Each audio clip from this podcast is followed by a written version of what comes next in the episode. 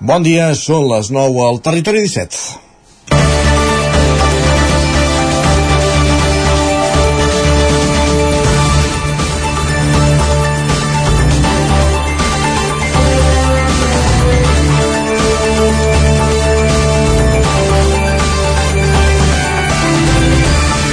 Hi ha un moment cada matí en el camí cap aquí, cap a la feina, que és l'entrada al carrer de la Ramada pel portal de Malloles de Vic, que provoca sempre un parèntesi. De sobte tot s'atura, no penses en la portada del programa, com, en com enfocaràs l'entrevista, o en aquella secció, o com es planteja la resta del dia. L'entorn sempre convida a badar i trobar gent que ja formen part del paisatge d'aquest carrer. Un d'ells és en Roger Albert, en Rogeret, que treballa en un taller de fusta del mateix carrer i saluda cada matí i a la tarda, de tornada, el tornes a trobar, però ja a la plaça Gaudí transmetent l'ofici de geganter als més petits, els que faran el seguici infantil durant la festa major. Avui a Vic és festa i la nit ha sigut llarga. Pel carrer de l'Armada hi havia més pau que mai, una joia, però de sobte ha tornat a aparèixer en Rogeret. Avui vestit de geganter i empenyent un carro carregat d'espígol decidit a perfumar el recorregut del seguici. Ha dormit poc. Ahir, com a novetat, els gegants van sortir a la mitjanit en plena eufòria del concert de Doctor Prats i avui, amb la fusteria tancada, ell torna a estar al peu del canó deixant-ho tot a punt perquè el bestiari, els gegants i els caps de llúpia llueixin d'allò més en el seu recorregut entre l'Ajuntament i la catedral. Sort n'hi ha de molts rogerets a les festes majors.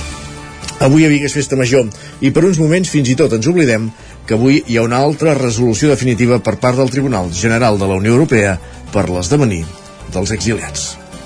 Territori 17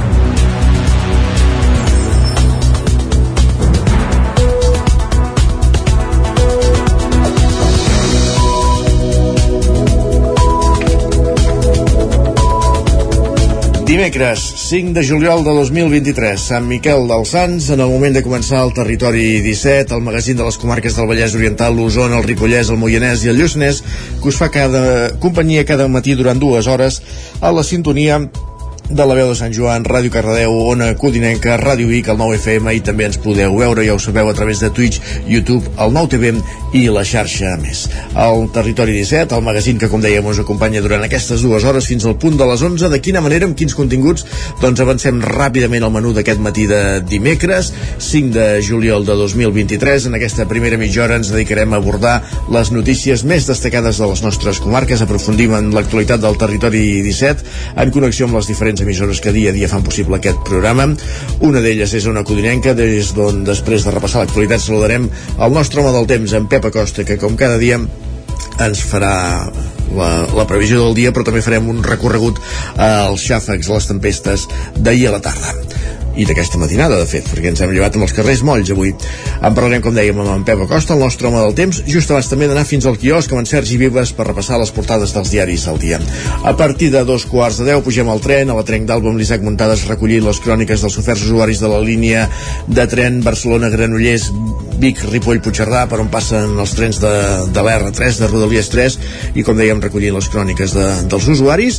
I tot seguit ens quedarem a la veu per parlar amb l'Armínia Ordeig, la directora de la Fundació MAP, la, de Ripoll, que ens farà un, amb qui valorarem la memòria anual d'aquesta entitat que treballa per les persones amb discapacitat.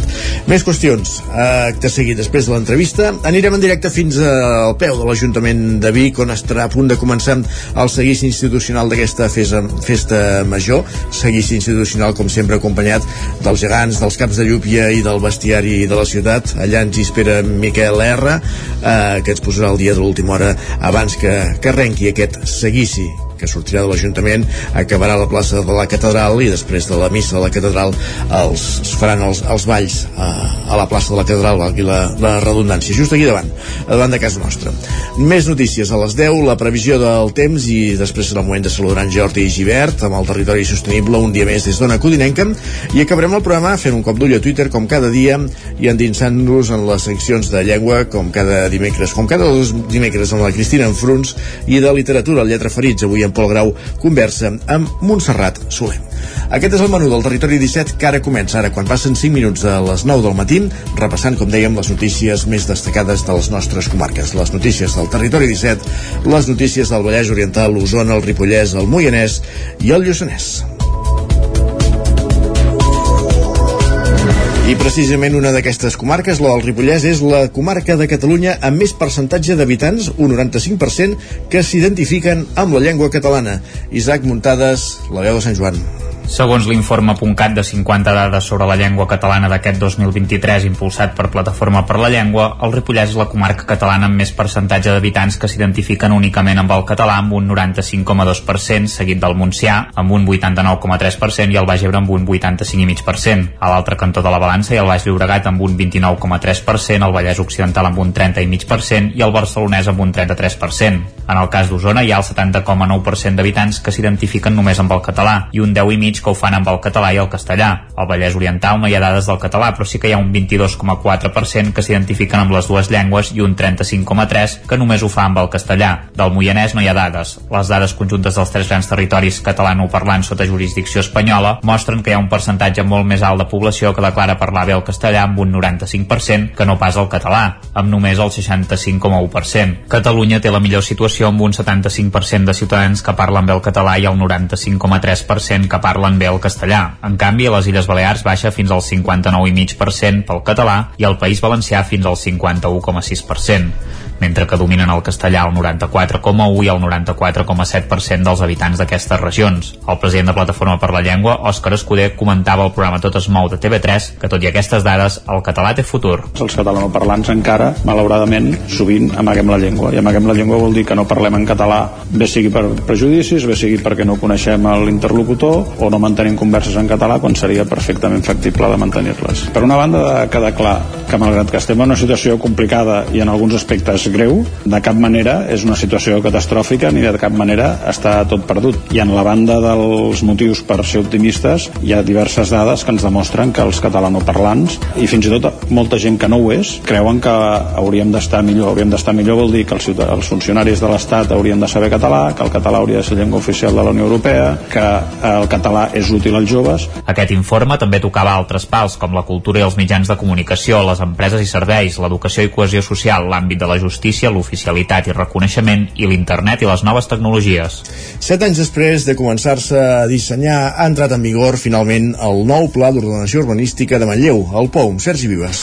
Aquest document, que estableix com ha de produir-se el creixement de la segona ciutat més gran d'Osona, consolida, entre d'altres, la construcció d'un centenar de cases unifamiliars al Fugurull i la Ronda Nord, que donarà accés als polígons des de l'eix Bicolot i des de la C-17. Ho explica l'alcalde Arnau Rovira. Doncs eh, bé, naixerà tot un nou sector que veurem si es definirà com un barri o serà una continuació del barri de Vista Alegre. Però sí, és important el canvi que, que, que hi haurà en aquesta nova entrada de Manlleu apareixeran unes parcel·les doncs, amb una finalitat molt diferent i per a un habitatge diferenciat que a dia d'avui doncs, no tenim. La idea és que es quedi integrat, sí, no quedarà com una illa sinó que quedarà integrat, llavors és per això que us comentava que no sé si naixerà com un barri nou o si serà com una extensió del mateix barri de Vista Alegre que hi ha a dia d'avui amb la posada en marxa del nou POM, Manlleu tanca el tràngol que va suposar el POM del 2008, anul·lat l'any 2015 per una sentència judicial després d'aprovar-se sense el preceptiu informe d'inundabilitat. Tancar aquest capítol coincidint amb l'inici de mandat per Rovira és un respir. És una de les grans notícies que hem tingut aquests dies, no totes són bones, també tenim coses que no són bones, però aquesta és una de les grans notícies i històrica de Manlleu. Realment sí, és un respir perquè doncs, en l'últim mandat vam agafar el compromís d'aprovar-lo, nosaltres vam fer la feina, vam fer els deures i quedava doncs, que la Generalitat fes la seva part. S'ha demorat més del que ens hagués agradat, però finalment hem arribat a tenir-ho doncs, a, ja a, a punt. No vam arribar per setmanes a tenir-ho en l'anterior mandat, però sí que crec que és un bon presagi per començar doncs, un mandat amb una gran notícia com aquesta i esperem que sigui la primera de, de moltes de bones que vinguin.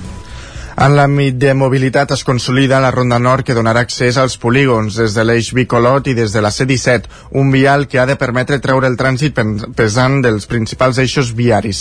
Un d'ells, el passeig de Sant Joan, que en els propers anys hauria de començar a exercir veritablement de passeig. El nou POM també contempla la creació d'una zona tancada per la ubicació d'una estació de mercaderies i es preveu també la construcció d'un segon pont sobre el Ter que connectaria el carrer Josep Serració amb el Fugurull el llargament ha, ha explicat pont, segon pont de Manlleu. Veurem si ara queda recollit el POM, si es fa efectiu Més aviat que tard. Més qüestions. El mes de juny d'aquest 2023 ha estat el més plujós a Vic des de l'any 1950. A la capital d'Osona hi han caigut 220 litres per metre quadrat d'aigua. La forta tempesta de dijous passat a Vic que va deixar 42 litres per metre quadrat a la ciutat i gairebé 52 a Sant Forest la Guixa és un dels episodis de pluja més destacats d'aquest mes de juny. Des del 1950, quan va començar la sèrie de dades contínua, mai s'havia arribat a la xifra de 220 litres per metre quadrat en un mes de juny. Darrere el rècord d'aquest any hi ha els 188,7 litres per metre quadrat que van caure a Vic al juny de 1992 o els pràcticament 187 de l'any 1983. La mitjana pluviomètrica d'un mes de juny a la capital osonenca se situa en els 74 litres. A l'espera de la confirmació oficial per part del Servei Meteorològic de Catalunya, que l'està analitzant, tot apunta que el temporal de la setmana passada va ser un esclafit de baixa intensitat. Va provocar la caiguda d'arbres, d'alguns pals elèctrics, i telefonia i inundacions. De tot plegat en parla des de Meteozona Manel Dot. Va agafar una línia doncs de, diguem des de, de Santa Eulàlia fins a, passant per la Guixa, sobretot al cantó de la Guixa i va tirar fins a, fins a Fogaroles pràcticament, o sigui va agafar aquesta línia recta, va fer una amplada des de la zona esportiva fins a dalt a la Serra Sant Ferm i en aquesta zona va afectar, va afectar sobretot també a, a, a arbres de a Call d'Atenes, allò el Puig dels Jueus també va agafar bastant aquella banda, va agafar una línia recta i aquella línia recta doncs el vent allà va apretar fort. En altres municipis d'Osona també s'han recollit quantitats de pluja poc habituals en un mes de juny. És el cas de Tavernoles amb 205 litres, Roda amb 198 o Torelló amb 172. Aquests episodis solen ser més habituals a finals d'estiu. Manel Tot. No són tan freqüents, sobretot el juny, eh, n'hi ha alguna d'en quan en quan, aquest any hem tingut bastantes més, i ja va començar pel maig, que tampoc el maig eh, és més general, són que diu maig cada dia un raig, però no en formes de, tant, de tantes tempestes com vam tenir. El juny ha estat igual, mm, sol ser més eh, el que dius tu, la segona quinzena d'agost, que és quan comença a entrar aire fred, i és quan comença, clar, amb el terra calent doncs reacciona i es formen les nuvolades de tempesta eh, el juny i el juliol n'hi ha alguna de quan en quan però no és tan habitual que n'hi hagin tantes La pluja ha contribuït a alimentar i a netejar rius i rieres en un context de sequera que ja fa dos anys que s'arrossega i que no s'ha solucionat. Les restriccions es mantenen. La previsió assenyala que els ruixats i les tempestes de tarda continuaran almenys durant la primera quinzena de juliol. Canviem de qüestió, les mascaretes deixen de ser obligatòries als hospitals, als centres sanitaris, a les farmàcies i a les residències, per tant, a tot arreu. El Consell de Ministres ho ha aprovat aquest dimarts a través del Reial mm, Decret que suposa la fi de l'alerta sanitària per la Covid-19 a l'estat espanyol. La mesura serà efectiva quan es publiqui al butlletí oficial de l'estat. Probablement avui les mascaretes passen a ser recoman recomanables en els espais on fins ara s'havien de dur. Se'n manté l'obligatorietat als espais hospitalaris amb persones en estat crític o pacients immunodeprimits i també als quiròfans o a les unitats de cures intensives. Així ho anunciava ahir el ministre de Sanitat, José Manuel Miñones. Pues hemos acordado tres años después del comienzo de la pandemia pues el fin de la crisis sanitaria ocasionada por la COVID-19, así como también hemos dado acuerdo para que además decaigan todas las medidas extraordinarias que hubieran sido acordadas ligadas a esta crisis sanitaria.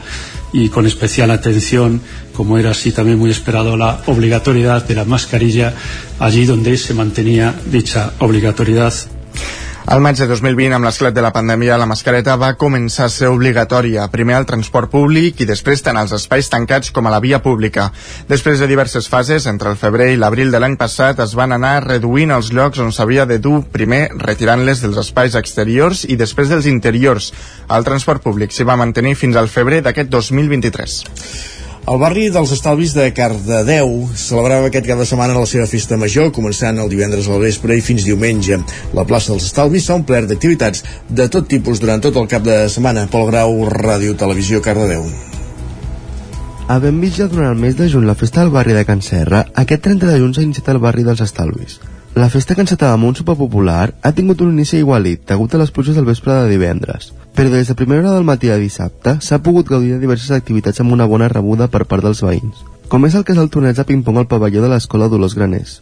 És el memorial Alfons Serrano, perquè el, el club, a partir del 2010, es va tornar a refundar i va ser el primer president que va donar impuls a aquest esport. El 2013 va morir, llavors a partir de llavors s'ha fet cada any el Memorial Alfons Serrano, bueno, excepte els anys de la pandèmia. Aquest any han apunt... ens han fallat 3, però han vingut 14 noies, que han vingut 3 de Barcelona, eh, 3 d'Arbúcies, més d'aquí el poble. L'encarregada del repartiment de premis del torneig ha sigut la viuda d'Alfons Serrano, Rosa Catafau. La tarda de dissabte ha continuat amb la repartida d'entrepans i baixa en línia de saló, a part de la instal·lació de castells inflables per als més petits i l'actuació del grup Tens de Música. Un dia en què la festa ha comptat amb més de 1.500 visitants. Per ordre governativa no van poder fer la festa de l'espuma per la sequedat d'aigua, no? Llavors van portar uns inflables més hi havia quatre inflables i la canalla des de les 5 pràcticament de la tarda fins a les 10 de la nit van poder gaudir eh, dels espectacles. Sí. I ja l'últim dia de festa s'ha celebrat una santa missa de bon matí, seguida d'un dinar de germanor i ja com a cloenda del vespre, un ball de fi de festa amb el duet La Cena. i del Vallès Oriental de Cardeu cap al Moianès, cap a Moià, perquè la direcció del festival Ex Abrupto presenta un espectacle inaugural sorpresa que avança un dia a l'inici del festival. Divendres, la nit, l'emblemàtica plaça de Sant Sebastià acollirà aquesta acció. Roger Ram, zona codinenca. Sí, el Festival Experimental de Creacions Contemporànies Ex Abrupto de Mollà dedica la seva vuitena edició, la d'enguany, a la temàtica de la distopia. Divendres a les 10 de la nit començarà amb un espectacle immersiu i interactiu de videomapping dissenyat expressament per aquesta ocasió. La peça inaugural incorpora en la seva composició la imatge de Sant Sebastià del segle XVI que havia presidit l'església i que va ser destruïda durant la Guerra Civil Espanyola. El videomapping farà que el monument del sant prengui vida i formi part de la fantasia distòpica que donarà el tret de sortida a aquest festival. Aquesta producció fins ara inèdita i dissenyada, com dèiem, expressament pel festival, compta amb la direcció artística del col·lectiu Ex Abrupto. A més, també s'acompanya amb el cor i orquestra de cambra de la comarca del Moianès i s'hi suma també la participació dels artistes audiovisuals Cito Ruiz i Marco Dominichetti a la part sonora i el col·lectiu de les arts en viu d'Antidrum. La performance tindrà dos passis, el primer, com dèiem, a les 10 del vespre d'aquest divendres i un segon a dos quarts d'onze de la nit, quan es podrà tornar a veure l'espectacle sencer.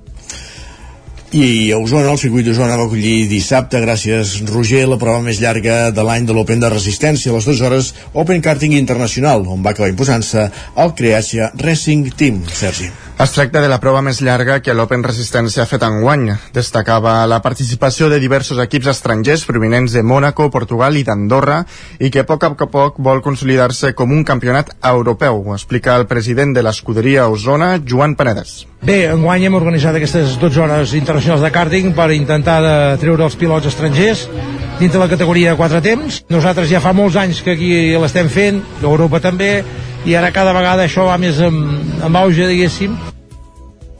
La cursa comptava amb un total de 10 equips i 40 pilots, plena d'emoció durant les primeres hores de la prova i va haver canvis de líder constants. A partir de les 6 hores, l'equip Creatia i Warm-Up es van situar en les primeres posicions, mentre que Endurance Racing Team lluitava per la tercera posició. Però no va ser fins a les últimes voltes que es va resoldre la incògnita del guanyador, Joan Panedes. Que dels 10 equips que hi han, hi han 8 equips que estan entre 600 centèsimes de diferència de temps. Llavors aquí es mostra la competitivitat. Els guanyadors d'aquí sumen punts per anar a la final mundial de, de la Sodi World Series, que és un campionat també de quatre temps, que s'hi troben tots els pilots del món, a l'últim tram de la cursa, Creatia va premer l'accelerador que li va servir per proclamar-se vencedor amb 595 voltes, seguit per Endurance Racing Team, que gràcies a un últim sprint van assegurar el segon lloc avançant els portuguesos de warm-up, que van obtenir la tercera posició. Com que la prova puntuava per la Sodi World Series, els guanyadors tindran l'oportunitat de disputar-la en un circuit internacional. Gràcies, Sergi. Acabem aquí aquest repàs informatiu que començàvem al punt de les 9 en companyia de Sergi Vives, Isaac Muntades, Roger Rams i Pol Grau. És moment al territori 17 de saludar també el nostre home del temps, en Pep Acosta. Per tant, sense més demora, anem fins a una codinenca. Casa Terradellos us ofereix el temps. Perquè allà ens espera en Pep Acosta. Pep, benvingut, bon dia. Com, com està evolucionant meteorològicament aquest mes de juliol? Hola, què tal? Què tal? Va avançant la setmana, Això ens agrada. va avançant aquest mes de juliol. Malament, si no de fet. Uh, espero que tots estigueu molt bé i que aneu disfrutant d'aquest estiu 2023. De moment un estiu amb les temperatures contingudes, amb aquesta eh, suavitat de, de nit, es dorm bastant bé aquesta nit també, unes mínimes eh, no molt altes, eh, bones notícies per la gent que, que no li agrada la calor, però això té les hores comptades, eh? eh mirant els mapes una mica més a llarg termini, a partir d'aquest cap de setmana, atenció la calor, que serà molt, molt intensa. Però bueno, això ja en parlarem divendres. M'aniré a refugiar amb un iglú. Anem pel dia d'avui. Fem també una petita visió al dia d'ahir, que va ser un dia inestable, amb algunes tempestes, sobretot una altra vegada cap al Ripollès, més de 20 litres a Molló, en dos dies a Molló gairebé 70 litres, eh, va plovent, molt bones notícies, també va ploure cap al nord d'Osona, cap al Moianès, eh, al Vallès, ahir gairebé totes les nostres eh, comarques va ploure una mica, eh, però només la precipitació més destacada va ser això, eh, cap, a, cap al nord del Ripollès, una altra vegada van caure més de 20 litres. Tempestes irregulars, tempestes eh, difícils de predir, eh, típiques tempestes d'estiu, de, uh, però amb una mica més d'inestabilitat. Les tempestes d'estiu una mica més estringides cap, a, cap al nord, de, al nord del Ripollès, cap a Osona, uh, i no baixen tant cap al sud. El mes de juliol, com deia ja fa dies que dic, és el mes que menys plou moltes poblacions en les comarques, i no és habitual que aquestes tempestes baixin tant cap al sud. I avui també també aquestes tempestes seran presents a bona part, a bona part de les comarques. Uh, hi ha aquesta nit, aquest matí, hi ha hagut uh, petits ruixats cap a Osona, han deixat entre, entre 5 i 6 litres, uh, es han de produint al llarg del matí. I a la tarda, novament, creixement de nuvolades, sobretot a cap a l'àrea del Pirineu. Un altre cop, les mateixes àrees, eh, Molló, àrea de Ter, aquestes zones, és on pot eh, ploure més durant aquesta tarda. Unes pluges que poden superar 10, 15, 20 litres novament. Nord d'Osona també eh, poden superar aquests, aquestes xistres. Eh, pluges més modestes com més cap al sud. Les temperatures continuaran molt a ratlla, molt semblant a d'aquests últims dies. La majoria màxima és entre els 25 i els 28 graus. Uh, ja veieu que és un autèntic luxe uh, a un 5 de juliol aquestes temperatures eh, recordem altres anys amb molta, molta, moltíssima més calor, tot l'any passat, eh? l'any passat eh, vam tenir unes temperatures molt més altes durant tots aquests dies. Però bueno, ja dic que pujarà molt, per tant, però bueno, uh, no us vull espantar per això, eh, pujarà molt els aquests dies, però anem a pams, anem a pams, anem a pams. Uh, els vents febles avui, de direcció variable, no hi haurà una direcció uh, uh, marcada amb els vents i durant les tempestes aquestes ventades poden ser bastant fortes. I res més a destacar, només a disfrutar el dia d'avui, uh, pendents d'aquestes tempestes de tarda sobretot, però ja al matí se'n pot escapar alguna, i com ja he dit aquesta nit ja, ja, ja hi ha tota una zona, uh, continuem amb aquest ambient inestable, amb aquest ambient eh, que no és gaire propi del mes de juliol, aquesta inestabilitat, que duri, però bueno, eh? que duri, que eh, duri. com deia, té les hores comptades. Ja ho anirem, no. ja ho aniré avançant els pròxims dies. Moltes gràcies, fins demà. Adeu. Doncs mals auguris que venen pels que no ens agrada la calor. Gràcies, Pep. Ja sabem que és el que toca, eh, de totes maneres. Va, Pep, parlem després. Casa Tarradellas us ha ofert aquest espai. I ara és hora d'anar cap al quiosc, perquè és moment de repassar les portades dels diaris del dia. Sergi, per on comencem? Doncs comencem pel punt avui, que encapça la portada destacant el rècord d'ocupació. Expliquen que Catalunya puja el llistó de l'ocupació amb 3,74 milions de treballadors registrats. Diuen que els serveis absorbeixen un 80% de la reducció de l'atur del juny, que és de 6.359 persones. Destaquen que a l'Estat l'atur cau per sota dels 2,7 milions de desocupats per primer cop des de 2008. Per altra banda, diuen que Jordi Cuixart va dedicar el guardó de la Creu de Sant Jordi als represaliats. Expliquen que l'expresident d'Òmnium Cultural va defensar el català com el moll de l'os a preservar perquè diu sense llengua no hi ha nació. El periòdico diu que la revolta francesa es cola en la campanya de Vox pel 23J. Expliquen que els experts policials adverteixen que els grups d'ultradreta i prorussos agiten la islamofòbia a les xarxes socials i temen que encoratgin aldarulls xenòfobs amb motiu de les eleccions. La Vanguardia diu que Feijó recupera delictes per castigar un altre procés. Expliquen que el PP rescata la sedició, endureix els indults i penalitza les consultes il·legal, il·legals. Afegeixen que sancionarà la deslleialtat institucional i soscavar el crèdit exterior d'Espanya. Per altra banda, diuen que el pla que la pluja canvia el paisatge. Expliquen que les pluges que han caigut els dos últims mesos a Catalunya han allunyat l'emergència per sequera, tot i que es manté l'excepcionalitat en 495 municipis. I aquí han posat dues fotos, l'abans i el després, del riu Ter al seu pas pel monestir de Sant Pere de Casserres. La foto, de, la perspectiva des del mirador del Ter, aquell meandre que, que s'ha fet famós de la pandèmia cap aquí. Així és.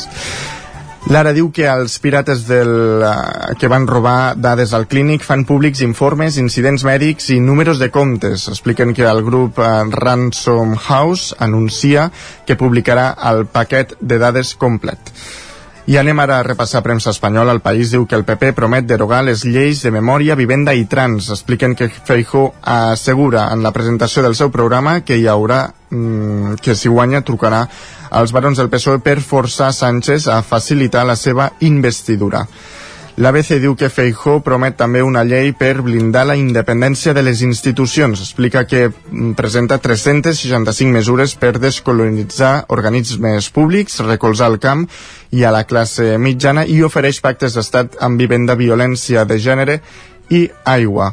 I acabem amb el Mundo que encapça la portada explicant eh, doncs, també més propostes del PP, com per exemple reduir l'IRPF i l'IVA. No sé si tindria temps en 4 anys de fer tot això que diu. Fi. Bueno, sí, eh, millor no saber-ho. Ràpidament, repassem digitals, el 99.cat d'Osona i el Ripollès. Doncs mira, ens trobem aquests uh, 40 anys del crim mai resolt d'Isabel Ordon Ordóñez uh, de Sant Joan de les Abadesses. I aquí acabem, fem una petita pausa i tornem de seguida al territori 17 amb més continguts. Gràcies, Sergi. A tu. El nou FM, la ràdio de casa, al 92.8. Quan tingui un problema amb la seva caldera, vagi directament a la solució. Truqui sempre al servei tècnic oficial de Saunier Duval i despreocupis, perquè som fabricants i coneixem les nostres calderes peça a peça. I ara aconseguiu fins a 300 euros en canviar la caldera. Informeu-vos al 910 77 10 50 o a saunierduval.es. El Roures Parc de Ceba. Tres piscines, pista de vòlei platja, camp de futbol 3x3, un parc infantil amb moltes novetats i una zona de pícnic per passar el dia en família o amb els amics. Del 24 de juny fins al 3 de setembre ens pots visitar des de dos quarts d'onze del matí fins a dos quarts de vuit del vespre. Vine de pícnic al Roures Parc de Ceba. Diversió per tota la família. Ser a prop vol dir veure les coses més bé. Apropa't al que t'interessa amb la xarxa Més. La teva plataforma audiovisual de qualitat, proximitat i gratuïta. Gaudeix dels continguts de més de 30 televisions locals i podcast quan, com i on tu vulguis. Entra a la xarxa més.cat i descarrega't l'app. Cocodril Club. Si t'agrada la bona música dels anys 60, 70 i 80, escolta el 9 FM els matins de dissabtes i diumenges d'11 a 1. És el temps del Cocodril Club, tot un clàssic de la ràdio, amb les bases del pop-rock, les llegendes, les cançons que s'han convertit en autèntics himnes. Recorda, dissabtes i diumenges al matí, d'11 a 1, al 9 FM 92.8. Cocodril Club, el programa revival de l'Albert Malla. Hasta. Bon dia, són les 9 al Territori 17. La Miquel Parella, Cada matí i durant dues hores t'acompanyem i et posem al dia de l'actualitat de casa nostra. Potenciant així l'autonomia En aquest cas me la peça el taler si no... Cursos per feminitzar el pensament masculí. Territori 17, el magazín matinal d'Osona, el Moianès, el Ripollès i el Vallès Oriental. Que la meva àvia de 93 el anys... 9 FM, el 9 TV, el 99.cat i també els nostres canals de Twitch i YouTube. demà per fer-se un tatuatge. Cada matí, Territori 17. Ole. Anuncia't al 9FM. La màquina de casa. 9 3 8 8 9 4 9 4 9. Publicitat arroba al 9FM.cat. Anuncia't al 9FM. La publicitat més eficaç. Ser a prop vol dir veure les coses més bé. Apropa't al que t'interessa amb la xarxa Més. La teva plataforma audiovisual de qualitat, proximitat i gratuïta. Gaudeix dels continguts de més de 30 televisions locals i podcast quan, com i on tu vulguis. Entra a la xarxa més.cat i descarrega't l'app. El nou FM, la ràdio de casa, al 92.8. Territori 17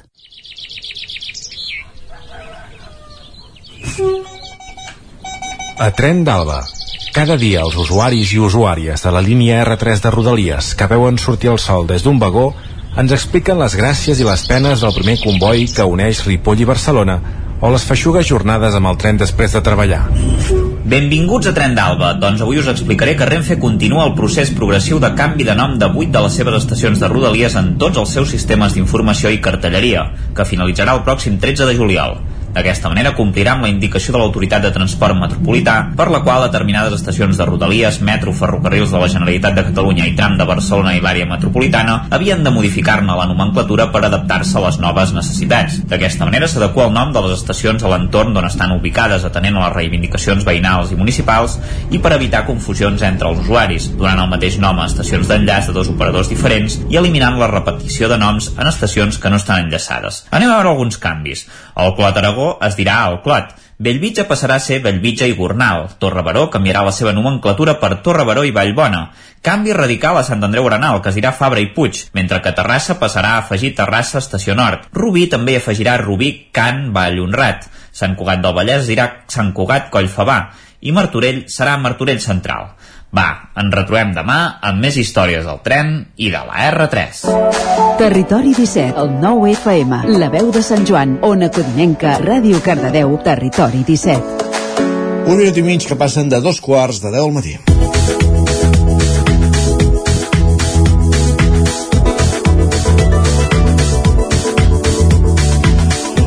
Aquest any passat, el 2022, va ser un any de canvis a la Fundació MAP de Ripoll, que presta serveis per a les persones amb discapacitat del Ripollès. Un any de transformació i desplegament del nou model organitzatiu que ha significat canviar mirades, rutines, estructura o equips. Avui parlarem d'aquesta memòria, de les conclusions d'aquesta memòria d'indicadors de l'any passat, eh, de la, aquesta fundació per saber quin és el seu estat de salut actual. Abans, però, saludem l'Isaac Muntades a la veu de Sant Joan. Benvingut, Isaac, bon dia. Bon dia, Isaac. Sí, i per fer-ho, com, com deies, teníem nosaltres a la directora gerent de la Fundació MAP, l'Armínia Ordeig, que ens posarà la lupa sobre totes aquestes dades per interpretar-nos-les. Uh, bon dia, Armínia, i moltes gràcies per atendre'ns aquest matí al Territori 17. Bon dia. Gràcies a vosaltres. Uh, en, en primer lloc, Armínia, en què ha coincidit aquesta transformació que vareu fer l'any passat, que ara, que ara comentàvem aquí a, a l'entradeta? No sé si això s'ha notat d'alguna manera, encara esteu en procés de fer aquesta transformació o ja s'ha acabat?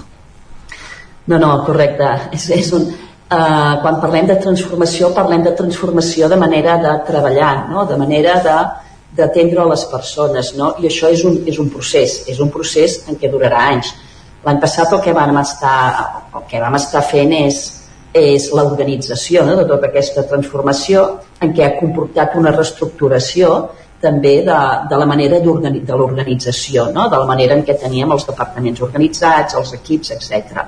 Però kit de la qüestió, tot això s'ha fet per, eh, per poder treballar cada vegada més eh, el que en diem el model centrat en la persona, que això senzillament vol dir posar la persona al centre, vol dir escoltar a la persona, vol dir que la persona sigui la responsable del seu propi projecte de vida. Per això vol dir també empoderar molt més a la persona, fer que la persona prengui les seves decisions, fer que la persona eh, bueno, eh, és això, decideixi ella no? què és el que, què és el que, què és el que vol fer, no? Fer que sigui molt més participativa en tots els seus processos, no? Uh -huh. I per tant, el, la transformació es refereix en això, no? En, en què, en posar la persona al centre, en què pren les seves pròpies decisions, en què participa cada vegada més en projectes a la comunitat, en què és molt més visible, en què, en què se l'empodera perquè sigui ella no? la, que, la que en definitiva defineix i, i, i projecta la, la seva vida. No? És un canvi de mirada sortint d'un proteccionisme que, que s'ha estat treballant fins ara anar cap a una presa de decisions per part directa de la persona. I això eh, com, com es fa? És a dir, poseu la persona al centre a través de tres unitats. Quines són i quina és la, la missió d'aquestes unitats, diguéssim? Sí, per poder-ho fer, doncs, van haver de reorganitzar això que diem l'estructura, no? I per tant hem dividit ara l'organització en tres grans unitats. Uh, una és la unitat de feina, l'altra és la unitat de comunitat i vida independent i l'altra és la unitat de benestar. Per què aquestes tres unitats? Una mica pensant en quan la persona té una necessitat, acudeix no? a la Fundació MAP, al conèixer una entitat com la nostra, ho fa a partir d'unes necessitats. Per tant, el que fem primer és veure quines són les seves necessitats. Si la necessitat és de feina, eh, és que busca un lloc de treball, o que necessita un procés de formació per treballar, aquesta persona s'atén en aquesta unitat de feina, que aquí és on engloba tota la part del centre especial de treball, tota la part de formació, tota la part d'inserció laboral a l'empresa ordinària. Eh? Iniciem aquí un treball amb la persona, un itinerari purament formatiu de cara a la inserció laboral. Si la persona necessita, o la seva família en aquest cas, i ella necessita un, un, un, activitats molt més terapèutiques, no? eh, molts més suports a l'hora de on viure, un lloc on viure, eh, on hi hagi una atenció a les 24 hores del dia. No? Eh, necessita activitats tant a nivell terapèutics a nivell físic com emocional. En aquest cas, entra a la unitat de benestar, en diem. Eh? I aquí, doncs, aquí hi ha el que són serveis residencials, aquí hi ha el que és el suport emocional, el suport de benestar físic, etc. Si la persona el que necessita és, el que vol és realitzar-se és empoderar-se, és eh, eh, estar a la comunitat, és realitzar activitats, no? És, bueno, doncs en aquest cas eh, eh, entra la unitat de comunitat i vida independent que en aquesta unitat el que, el que es fa, el que es pretén és una vida molt més autònoma de la persona. La persona té capacitat per viure sola en un seu habitatge, viure sola amb la seva parella, eh? no necessita tants suports, doncs en aquí i participa molt més de la comunitat, en aquí entra en aquesta unitat. No? Una mica és així, eh, amb aquestes tres grans unitats podem definir, mm -hmm. donar resposta a les necessitats de les persones. Un dels projectes més importants que, que dueu a terme des de la Fundació MA per Mínia, eh, que ja es porta uns anys en dansa, és el Festival Inclu Inclusiu Inspira, que aquest any arribarà a la seva quarta edició. Suposem que cada cop també s'intenta fer això, no? Fa uns mesos va haver-hi la, la presentació, que cada cop vagi millor. No sé si ens pots avançar alguna novetat que encara no s'hagi dit. Entenc que esteu contents de poder-lo continuar fent, oi?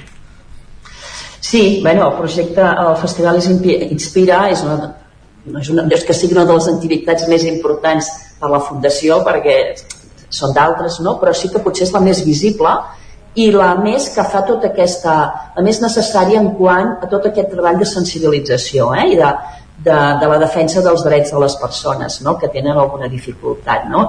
I això és el que pretén l'Inspira. L'Inspira pretén no? uh, fer, fer evident i fer visible no? que, que es pot fer grans festivals que es pot fer cultura adaptada també a les necessitats de les persones, no? sempre i quan que les persones tinguin els suports perquè es pugui fer. No? I en aquest cas l'objectiu de l'Inspira és aquest, eh? és la sensibilització que va més enllà ja de la nostra comarca de, doncs de, de, de les possibilitats que, o de les necessitats que requereixen doncs, també certes persones que necessiten uns suports per poder accedir, accedir doncs, a, a diferents tipus de, d'espectacles o de cultura. Uh, de cara a aquest any, bueno, tenim, tenim ja els, uh, el cartell que hem anunciat, tenim com a cap de cartell la, la Pacatina, que creiem que pot ser potent perquè està fent només una gira europea i sabem que només fa quatre concerts a nivell de l'estat espanyol i un és a Ripoll, per tant això doncs, pensem que ens pot ser molt positiu.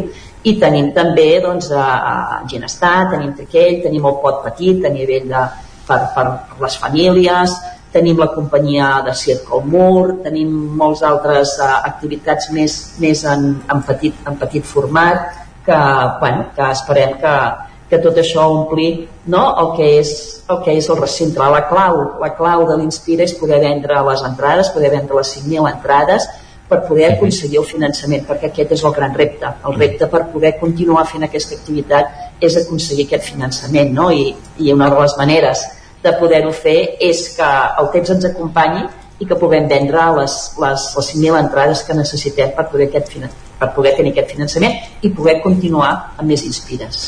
Això serà el 30 de setembre amb aquest cartell que ara ens avançava l'Armini Ordeig. Uh, més qüestions. Uh, quantes persones atén ara mateix la Fundació MAPA al Ripollès i d'aquesta memòria del 2022 quines dades destacaríeu com a més rellevants?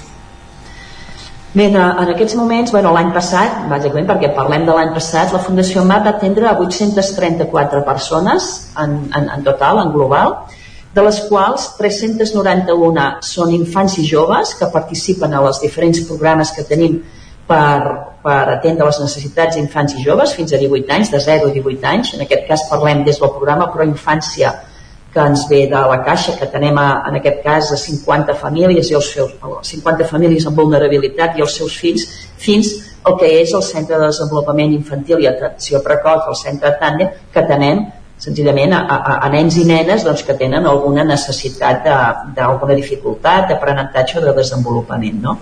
I es va atendre després 443 persones adultes. Eh? En aquest cas, doncs, tant persones que, que estan a la Fundació doncs, a nivell, tal com he dit, per accedir a un lloc de treball, no? que requereixen una feina, com que requereixen qualsevol altre servei, no? doncs un servei residencial, un centre de dia, un, un processos de formació, processos d'inserció, etc. No? Vam arribar a aquestes en total, aquestes 834 persones que bueno, significa un creixement respecte a l'any anterior amb, -huh. amb, amb unes 30 persones més. Eh? És a dir, la demanda, la necessitat, tot i que està coberta el Ripollès, però bueno, sempre van sorgint noves necessitats de nous col·lectius.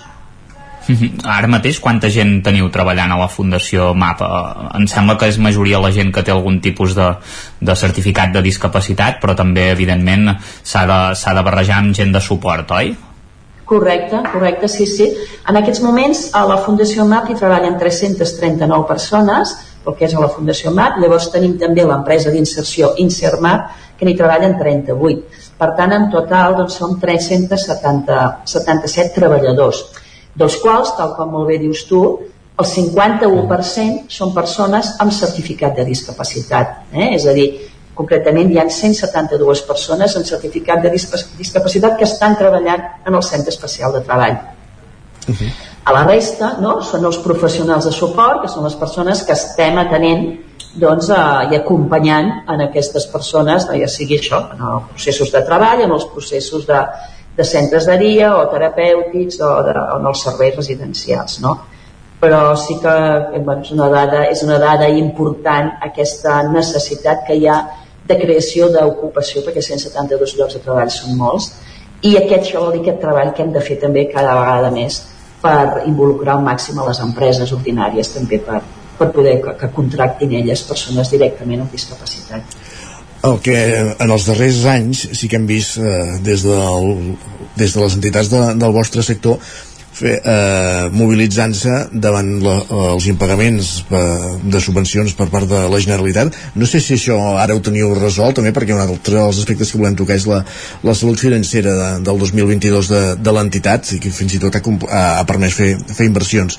Eh, una mica fem la radiografia general, la part de les subvencions si està resolta i una mica tot el que sí. ha, ha suposat finançament en el 22.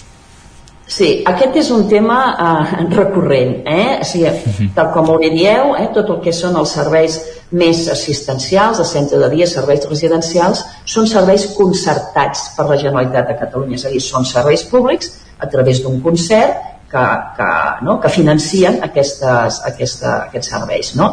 Quina és la situació? La situació és que el sector social, eh, des de ja fa molts anys i, i sobretot a partir de la crisi econòmica del, del 2008, diríem, que hi va haver-hi doncs, tota una retallada i una congelació de, de tots els, els mòduls que en diem del concert, eh? o sigui, la, la, la quantitat econòmica que es paga d'aquests concerts per persona. No? Hi va haver-hi tota aquella retallada durant aquells 10 anys, nosaltres parlem de la dècada perduda, i encara estem en aquesta dècada perduda. És a dir, sí que és cert que a partir del 2021 no, hi han hagut petits increments eh, anuals, que sigui d'un 1%, que sigui d'un 2%. Aquest any 2022 va ser d'un 3%, però és que el sector no necessita això. El sector estem amb aquella dècada perduda encara 10 anys anteriors, val? en què, en què es, a, aquí es va perdre durant aquests, aquests 10 anys doncs, un 15%, no? i estem encara reclamant això i hem tornat a la normalitat aquesta no? de la pujada d'un 1%, d'un 2%, d'un 3%. No? Eh, el, sector, el sector social és el sector pobre, no? si mirem els, els, els tres pilars del benestar, no? que parlem educació, sanitat i sector social, el sector social és el sector pobre i, i realment estem en aquesta situació en què l'administració no acaba de, de, bueno, de retribuir de la manera que correspon a aquest sector. No? És un sector que, que, que sempre ha estat a la cua i continua estant a la cua. I aquesta és la lluita nostra, perquè això afecta evidentment a, a la qualitat dels serveis, no? o, però de l'atenció de les persones, però també afecta en els, en els professionals del sector. Eh? Vull dir, si mirem les diferències de sou que hi ha en els professionals del sector social amb els professionals, per exemple, d'educació o de sanitat, és que estem parlant d'unes diferències molt i molt grans, no? Llavors, bueno, és una guerra que estem com a sector, en aquest cas no, no és de la Fundació MAP sola, sinó que estem com a sector que hi hagi el reconeixement de, de, de realment de, de, de la feina que s'està fent en aquest sector social i que els increments econòmics vagin d'acord amb les inflacions que s'estan produint. Eh? Aquest any mateix, amb una inflació tan elevada com hem tingut, en canvi, en canvi el nivell de, de, ha sigut un 3% el nivell de pujada. No? Uh -huh. Això què ens obliga? Ens obliga en què les entitats, com que som entitats privades que rebem aquest, aquest concert per gestionar aquests serveis que no donen resposta a la necessitat que tenim, doncs ens obliga a que les entitats hem de, hem de, hem de veure on obtenim més recursos no? i una manera en aquest cas d'obtenir més recursos és el que estem fent la Fundació MAP que és crear activitat econòmica per generar llocs de treball i generar negoci per poder reinvertir altra vegada a les necessitats de, de les persones que estem atenent no?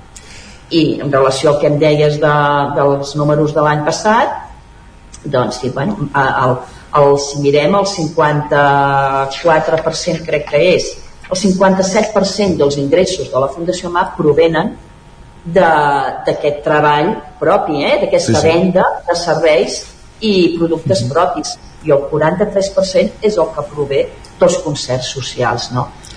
Uh, aquesta és la solució que tenim, és l'opció que tenim, eh? Mm. és l'opció que tenim en què alhora generem llocs de treball, hem de generar activitat per poder cobrir les mancances que realment uh, en aquest cas el govern està tenint en aquest sector social en el qual nosaltres estem, aquest tercer sector.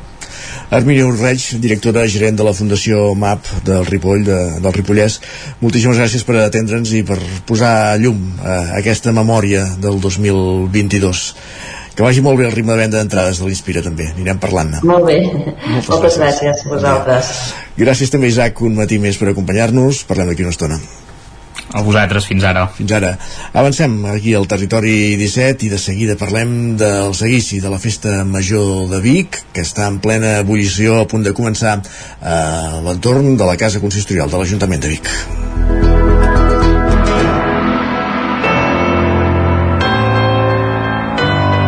Territori, Territori 17. 17. Territori 17. Oh,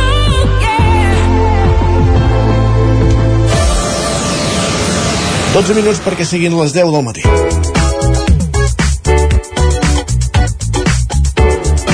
Com dèiem, avui és Sant Miquel dels Sants, patró de la ciutat de Vic. Avui és festa major i, per tant, és festiu a la ciutat de Vic i, per tant, tot és a punt a l'Ajuntament perquè comenci aquest seguici que ha de portar tot el seguici institucional, per tant, tota la corporació, però acompanyats dels gegants, dels caps de llúpia i del bestiari de la ciutat fins a la plaça de la catedral, on es farà la missa a l'una del patró i, posteriorment, als balls. A l'Ajuntament de Vic hi ha eh, Miquel R doncs, que no es perd detall d'aquests moments previs al seguici. Miquel, bon dia, benvingut. Molt bon dia, doncs sí, som, em sentiu bé? Perfectament, sí, sí. Molt bé, som aquí a la planta noble de, de, de l'Ajuntament, eh, amb la gent preparant-se, eh, hi ha aquest punt de nervis de, de, en què s'ajunten tradició, solemnitat, estem, diguéssim, a l'autèntic pinyol de la festa major, hi ha els geganters eh, que s'estan ara tot just vestint a dins la sala a la sala de consellers, eh, tot és protocol eh, en, en aquest moment. I tenim amb nosaltres la, la, la flamant reeditada eh, regidora de Cultura, Bet Piella, que ens pot parlar una mica d'aquest seguici tan històric. Ara és, eh, ara és el moment culminant de la festa major, no? Sí, sí, com, bon dia a tothom, completament. És el dia eh, gran de la festa major. Estem aquí tots amb aquella mica de nervis, de, com de la por escènica, però que ajuda a tirar endavant, recollint les veneres, les vares, tots els geganters posant-se a punt, tothom preparant-se. Ara hem fet un petit homenatge a la persona que aquest any eh, ens acompanyarà al seguici. Eh, a continuació llegirem el vers de l'Espígol, a càrrec d'un soci d'un amic del casino, en Carles Dax, i començarà el seguici. Esperem que el temps ens acompanyi amb tota la solemnitat que mereix l'acte. Recordeu que l'any passat vam fer els tràmits per a incloure el seguici en el catàleg festiu de festes de Catalunya, de Patrimoni Cultural de Catalunya. Esperem que aquest any rebrem ja la resolució definitiva i per tant farem el seguici fins a arribar uh, a l'ofici solemne i a continuació tots els balls, els balls de gegants i capgrossos com és degut eh, això, recordem-ho, és un seguici que ens hauríem de remuntar. De fet, eh, la ciutat dedica un seguici a Sant Miquel des de 1779, que és des de la beatificació, abans i tot del que tocava, perquè, la, diguéssim, pròpiament, quan se'l va santificar va ser el 1862, abans ja la ciutat en, encara no es feia, diguéssim, aquest recorregut pel carrer Sant Miquel, es feia al voltant dels Trinitaris, però serà a partir des de fa més d'un segle que, que, que aquest seguici, que, com deia la regidora, s'està intentant aconseguir ara la, la credencial de festa tradicional d'interès nacional. Eh, tan sols 20 anys enrere el seguici no era no, no, no havia fet aquest, aquesta brotada que està fent actualment. Sí, sí, el seguici i tot el que, el que, el que fa referència a la cultura popular. Ara justament està agraint en en Roger Albert tota la feina que han fet des de la base, des de la cultura popular per eh, tornar a viure amb aquesta participació amb aquest èxit eh, de públic. Ahir per exemple van veure la nit Gília. A les 12 de la nit van tornar a sortir els gegants amb gran èxit de participació. Aquest aquest seguici d'ara té tota la solemnitat i tota aquesta càrrega popular i tradicional que ens agrada tant a la ciutat, gràcies també a les institucions, però sobretot a la gent que durant tots aquests anys ja han picat pedra perquè això fos així. Perfecte, moltes gràcies. La deixem incorporar ja, diguéssim, el, els protocols que toca.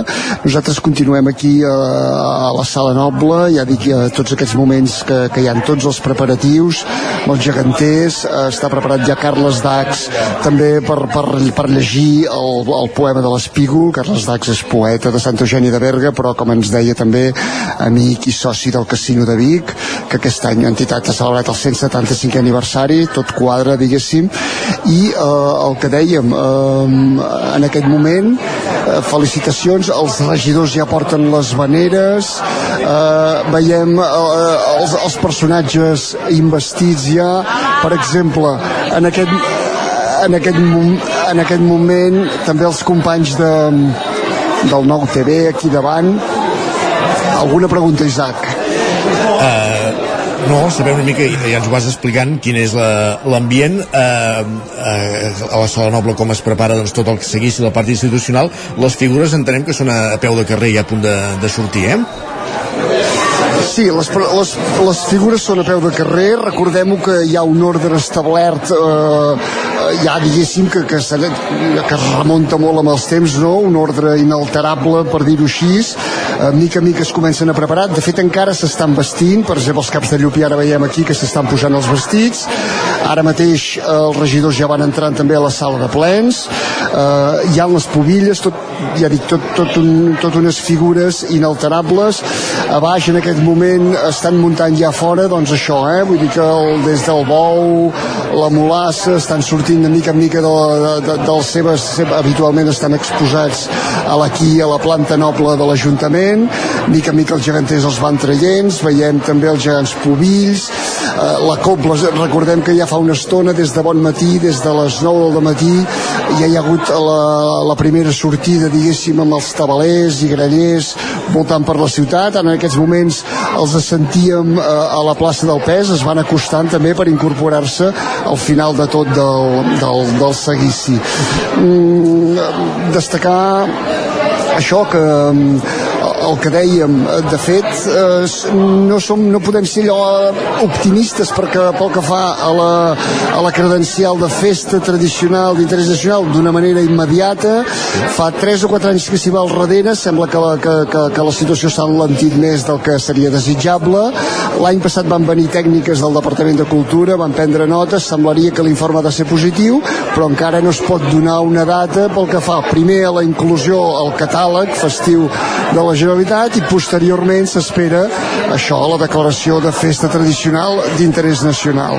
Um, nosaltres parlem de, ara començarà aquest seguici institucional que portarà doncs, tota aquesta comitiva, tot aquest seguici de, de l'Ajuntament, de la Casa Consistorial, fins a la plaça de la Catedral. Dir-ho és molt senzill, fer-ho no tant, perquè això vol dir baixar pel carrer Sant Miquel dels Sants, que precisament fa pendent, és dret, i, i baixar amb tots aquests elements de, de cultura popular, amb tot el bestiari, eh, no sempre és el, eh, no sempre és senzill, diguéssim, no? pel, pel que comporta, i sempre, eh, evidentment, tot aquest recorregut acompanyat de l'olor de l'espígol que de bon matí ja s'ha anat eh, llançant pels carrers d'aquest seguici. Sí, de, de fet és això, són, són anys, són anys d'assajos i, i anys, diguéssim, que ho, que ho porten molt controlat. També és veritat que hi ha una tradició a Vic que és la baixada és molt solemne, per tant, eh, diguéssim que eh, el fet mateix de ser baixada hi ha, hi ha molta cura amb, amb les figures, perquè precisament per això, perquè fa baixada, perquè no patinis amb l'espígol, però que és molt solemne i per tant molt lenta. En canvi, la tradició és que després de l'ofici, després dels balls que hi hauran a la plaça de la catedral al migdia, la pujada, diguéssim, és més, eh, és més disbauxada i per tant en aquell moment sí que, sobretot els caps de llúpia, eh, hi ha la tradició aquesta de que la canalla els hi cridi mort al merma, eh, hi han les xurriaques que, que embesteixen la canalla i per tant tota la solemnitat que hi ha hagut a la baixada, a la pujada, diguéssim, eh, hi ha aquest punt més de disbauxa. Eh, Recordem-ho, eh, la matinal és llarga, ara mateix els consellers entren a la sala de consellers, a punt ja de llegir el vers de l'espígol i recordem que a un quart d'onze en punt està previst que surti la comitiva, anirà avançant fins a la plaça de la Catedral, primer hi ha la preceptiva parada la preceptiva parada davant de la casa nadiua de Sant Miquel dels Sants eh, recordar també que aquest any el panó, eh, el panó que és aquesta bandera solemne que, que, que simbolitza la imatge també del sant i de la ciutat, el porta Miquel dels Sants, un Miquel,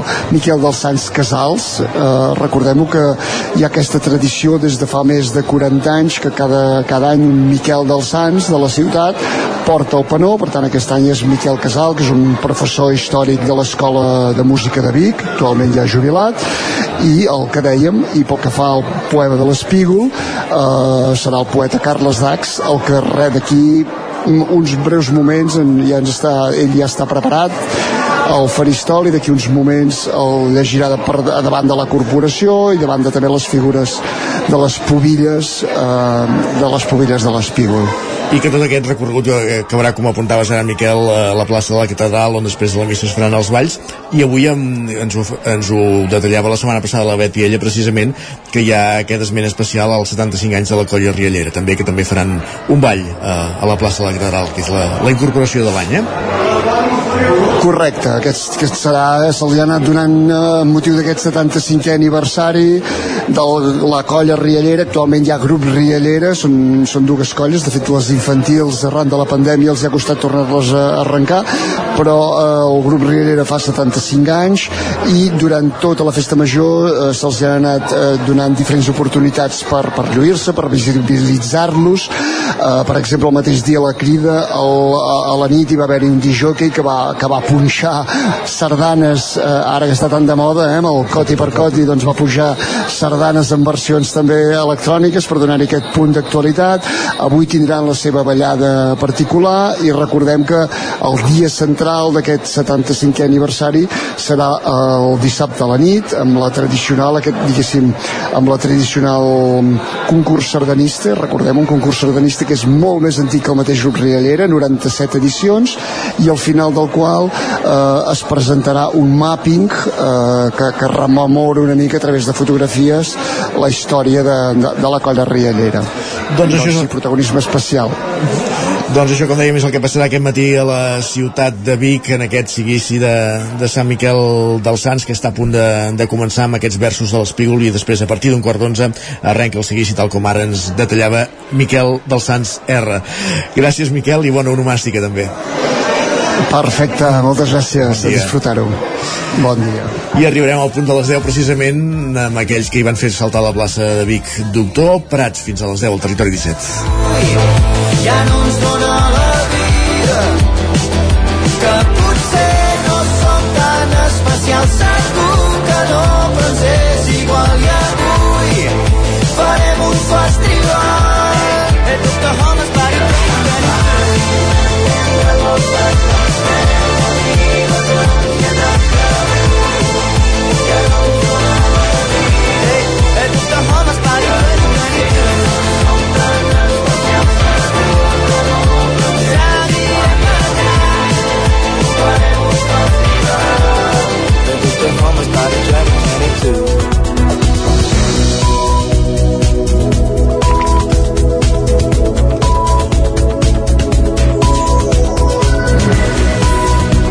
I el territori 17 ara és moment d'actualitzar-nos, és moment de posar-nos al dia amb les notícies més destacades de les nostres comarques, el Vallès Oriental, l'Osona, el Ripollès, el Moianès i el Lluçanès, i ho fem en connexió amb les diferents emissores que dia a dia fan possible aquest programa.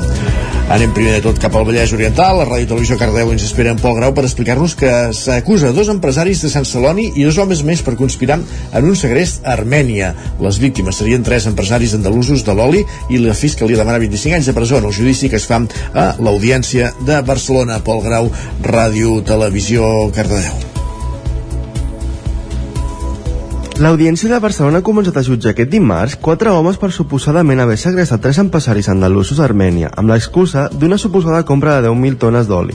La Fiscalia i l'acusació particular acusen dos germans germanís i dos empresaris de Sant Celoni de conspirar per segrestar els empresaris andalusos al país caucàsic a l'octubre del 2015. Com que la detenció il·legal s'hauria produït fora d'Espanya, només se'l pot jutjar per la preparació del segrest, per un delicte de conspiració. Els acusats, que han negat els fets i que el negoci era legal en primera sessió del judici, el primer gestionava alguns bars i restaurants a Sant Celoni i era taxador de vehicles i perit judicial d'accidents de trànsit. L'altre tenia una immobiliària i dos germans hermanins, un constructor del Vallès Oriental a qui li constaven vuit identitats diferents, 10 detencions i la prohibició de l'Audiència Nacional de sortir d'Espanya per presumpte blanqueig de capitals. La Fiscalia els acusa de conspiració per a la detenció il·legal, conspiració per a segrest condicional i conspiració per a intent de segrest condicional i els demana fins a 25 anys de presó i la prohibició d'acusar-se a les víctimes o comunicar-s'hi. A més, haurien de pagar més de 15.000 euros a les víctimes en concepte de diners robats i caldria afegir-hi l'import dels subjectes sostrets i les despeses del viatge a Armènia. I encara a la plana de successos detenen un home per apunyalar el seu germà a Montesquieu, a Osona, Sergi Vives. Els Mossos van rebre l'avís dilluns. El presumpte agressor va intentar fugir del lloc dels fets. Tot i això, els Mossos el van poder atrapar. El presumpte autor de l'apunyalament va tenir una actitud molt agressiva i fins i tot va intentar autolesionar-se quan se l'introduïa a l'interior del cotxe patrulla. L'home de 47 anys va quedar detingut per un presumpte delicte d'homicidi dolós. La persona ferida era el seu germà. En el punt on durant la persecució de, els agents van veure que l'home eh, havia llançat alguna cosa i van poder trobar la navalla amb la que s'hauria fet l'agressió. Pel que fa a la persona ferida, presentava un tall a la cama i va haver de ser traslladat a l'Hospital Parc Taulí de Sabadell per ser atès. Més qüestions, anem cap al Ripollès perquè l'extracció a la pedrera de la colònia Geran de Can de Bànol podria durar 7 anys. Isaac Muntades, des de la veu de Sant Joan. L'Ajuntament de Can de Bànol, els veïns de la zona i la major part del municipi estan en contra del projecte de la pedrera que s'ha d'ubicar a la colònia Aran, concretament a pocs metres del cantó dret de la carretera nacional 260 que uneix Can de Bànol amb Ribes de Freser. La futura pedrera, ubicada en una parcel·la de poc més d'11 hectàrees, està encaixonada entre la colònia Pernau al sud i l'Aran al nord. A més a més, a menys d'un quilòmetre a l'oest, hi ha l'antiga pedrera que fa molts anys que està abandonada i que no es va arribar a restaurar. L'empresa responsable del projecte és Colònia Aran SL i la previsió és que quan tingui tots els papers en regla pugui començar l'extracció, que s'allargaria durant un període de 7 anys, 6,3 d'explotació del terreny i 0,7 de restauració. S'actuarà en una superfície de poc més de 50.000 metres quadrats i està previst que el volum d'excavació sigui d'una mica més de 500.000 metres cúbics, amb una mitjana anual de producció que rondaria els 80.000 metres cúbics. Aquest expedient s'arrossega des del 2020, però la Pedrera encara necessita una sèrie de permisos per veure la llum com són la llicència d'urbanisme i la de medi ambient. En aquest segon punt, el tràmit ja passa per la Generalitat, a l'Oficina de Gestió Ambiental, però amb tres expedients administratius negatius. Per tant, l'empresa hauria de modificar el projecte perquè ara mateix no tiraria endavant. En tot cas, si ho acaba fent, l'empresa haurà de fer mesures correctives o paliatives, com explicava l'alcalde Oriol Lázaro. Per tant, el, el que has d'aconseguir és que en general tingui la mínima afectació possible a la, al dia a dia dels, dels vilatans. Diu, es genera molta polseguera, es generen sons, es, doncs se li ha de demanar a l'empresa que faci mesures paliatives o Paliatiu. correctives. Eh? Que, per exemple, ara aquí improviso, però és una de les coses que jo crec que s'ha de demanar sí o sí, que en formigonin. Si, si acaben sortint per la, la vessant sud, perquè la nord carreteres que ha dit que no, per la vessant sud estaran passant per la colònia, que ja va passar amb una antiga, una antiga pedrera, que no torni a passar. Aleshores, en formigonar el camí fins a les instal·lacions de la pedrera, perquè és que, si no, cada, cada camió que passa aixeca una polseguera Pel que fa a la llicència d'urbanisme, es troba en el punt d'haver de fer una aprovació inicial o es considerava silenci administratiu i s'aprovava automàticament. Ara el consistori té una mica més de marge per demanar canvis al projecte. Pel que fa al projecte de restauració, s'hi preveu fer una plantació de vinya en un espai de la Pedrera. Gràcies, Isaac. Prenc nota, eh? Aran. Eh, ho direm bé a partir d'ara. I targeta vermella, també. Més qüestions. La colònia Aran de Can Dànol. Més qüestions. Avui és el dia central de la Festa Major de Vic. N'hem parlat fa uns moments en directe des de l'Ajuntament amb en Miquel R. Dins de la celebració, el programa de la festa ofereix de la Festa Jove ofereix activitats lúdiques i culturals. Alguns de de tan conegudes com el Birra Nostrum o les barraques que s'han de fer en els propers dies i d'altres que ja han passat. Per exemple, el sopar jove la nit d'homilies, que estrenava nou format, Sergi.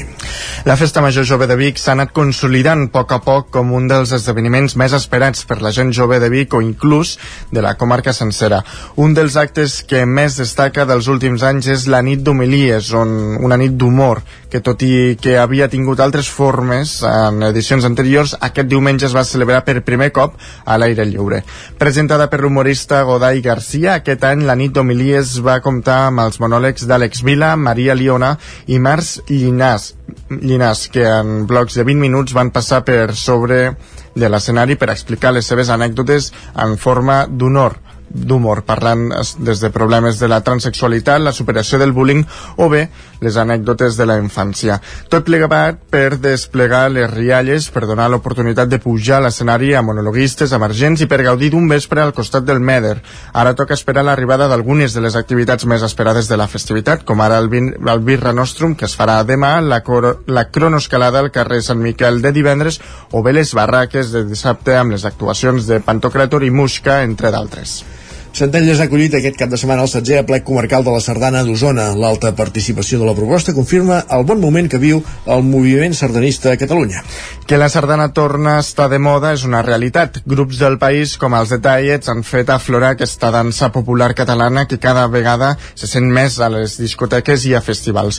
On més se sent i més es balla, però, és a les places. Va quedar demostrat aquest diumenge en el marc del 16è aplec comarcal de la sardana d'Osona que va desplegar-se a la plaça Major de Centelles que com el conjunt del país, el poble, la sardana viu un bon moment, també ho avalen les dades. L'Associació Sardanista primer d'octubre compta ja amb 226 socis. En parla un dels membres, en Lluís Soler. La sardana es troba en un moment, està com en un punt d'inflexió. L'àmbit de concurs de colles sardanistes és on hi ha més jovent.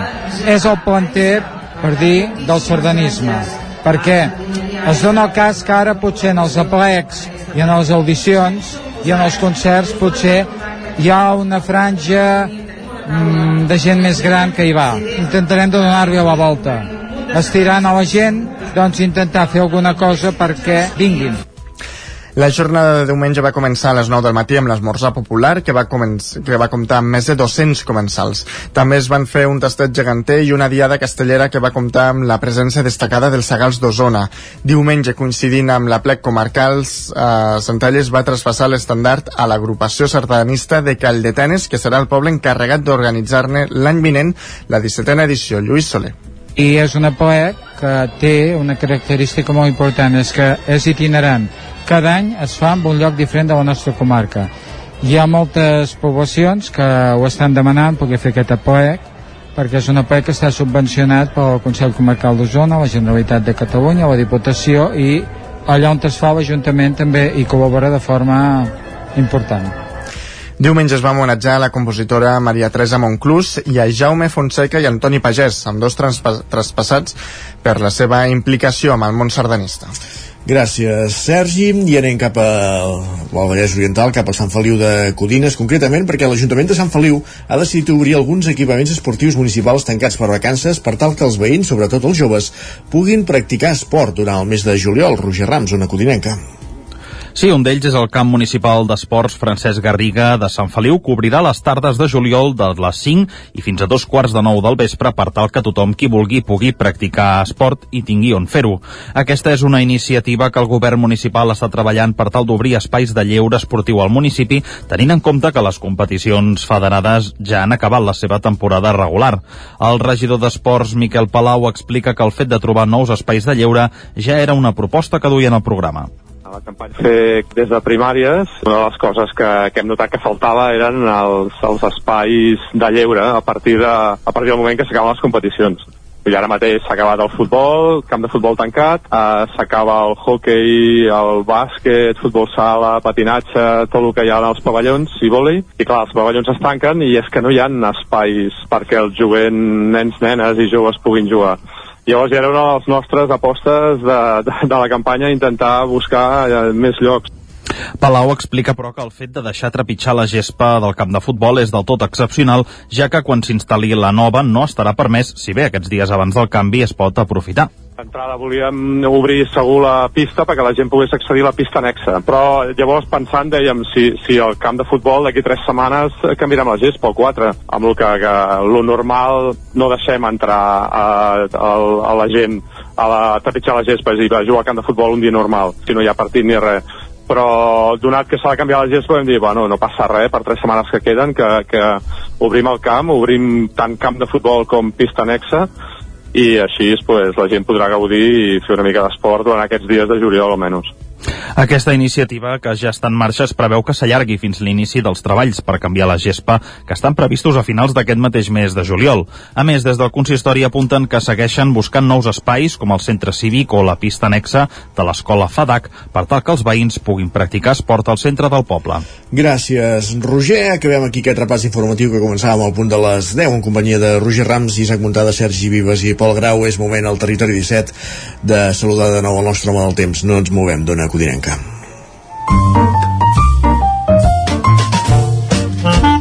Casa Terradellos us ofereix el temps. Pep, Acosta, com evolucionarà avui el dia meteorològicament parlant? I avui també també aquestes tempestes seran presents a bona part, a bona part de les comarques. Uh, hi ha aquesta nit, aquest matí, hi ha hagut uh, petits ruixats cap a Osona, han deixat entre, entre 5 i 6 litres, es uh, han de produint al llarg del matí. I a la tarda, novament, creixement de nuvolades, sobretot a cap a l'àrea del Pirineu. Un altre cop, les mateixes àrees, eh, Molló, àrea de Ter, aquestes zones, és on pot eh, ploure més durant aquesta tarda. Unes pluges que poden superar 10, 15, 20 litres novament. Nord d'Osona també eh, poden superar aquests, aquests registres. Eh, pluges més modestes com més cap al sud. Les temperatures continuaran molt a ratlla, molt semblant a d'aquests últims dies.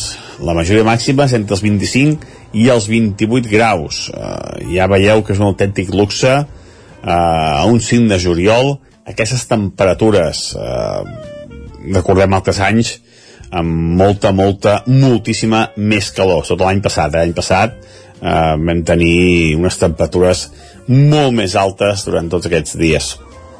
Però bueno, ja dic que pujarà molt, per tant, però bueno, no us vull espantar per això, eh, pujarà molt els dies, però anem a pams, anem a pams, anem a pams. Uh, els vents febles avui, de direcció variable, no hi haurà una direcció uh, uh, marcada amb els vents, i durant les tempestes aquestes ventades poden ser bastant fortes. I res més a destacar, només a disfrutar el dia d'avui, eh, pendents d'aquestes tempestes de tarda sobretot, però ja al matí se'n pot escapar alguna i com ja he dit aquesta nit ja, ja, ja heu tota una zona eh, continuem amb aquest ambient inestable amb aquest ambient eh, que no és gaire propi del mes de juliol aquesta inestabilitat però bueno eh, com deia té les hores comptades ja ho anirem, ja ho aniré avançant en els pròxims dies moltes gràcies, fins demà Va. adeu Fins demà, gràcies Pep. Casa Tarradellas us ha ofert aquest espai. Territori 17. Envia'ns les teves notes de veu per WhatsApp al 646 079 023. 646 079 023. WhatsApp Territori 17.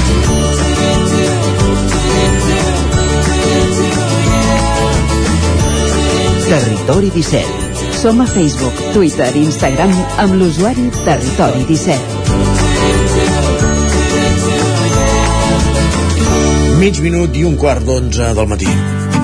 Territori sostenible al Territori 17 amb Jordi Givert i, amb Givert i avui visitant l'empresa de Caldes Vega Charger. Jordi, benvingut, bon dia. Avui al Territori Sostenible parlem altre cop amb Vega Chargers, una empresa calderina dedicada a les energies renovables. Amb ells parlarem d'aquest sector i concretament de la seva especialitat, adaptar les energies renovables a la mobilitat sostenible. Tenim amb nosaltres els seus socis, l'Ivan Fontcoberta i el Lluís Aurocus. Hola, bon dia. Hola, bon dia. Hola, bon dia.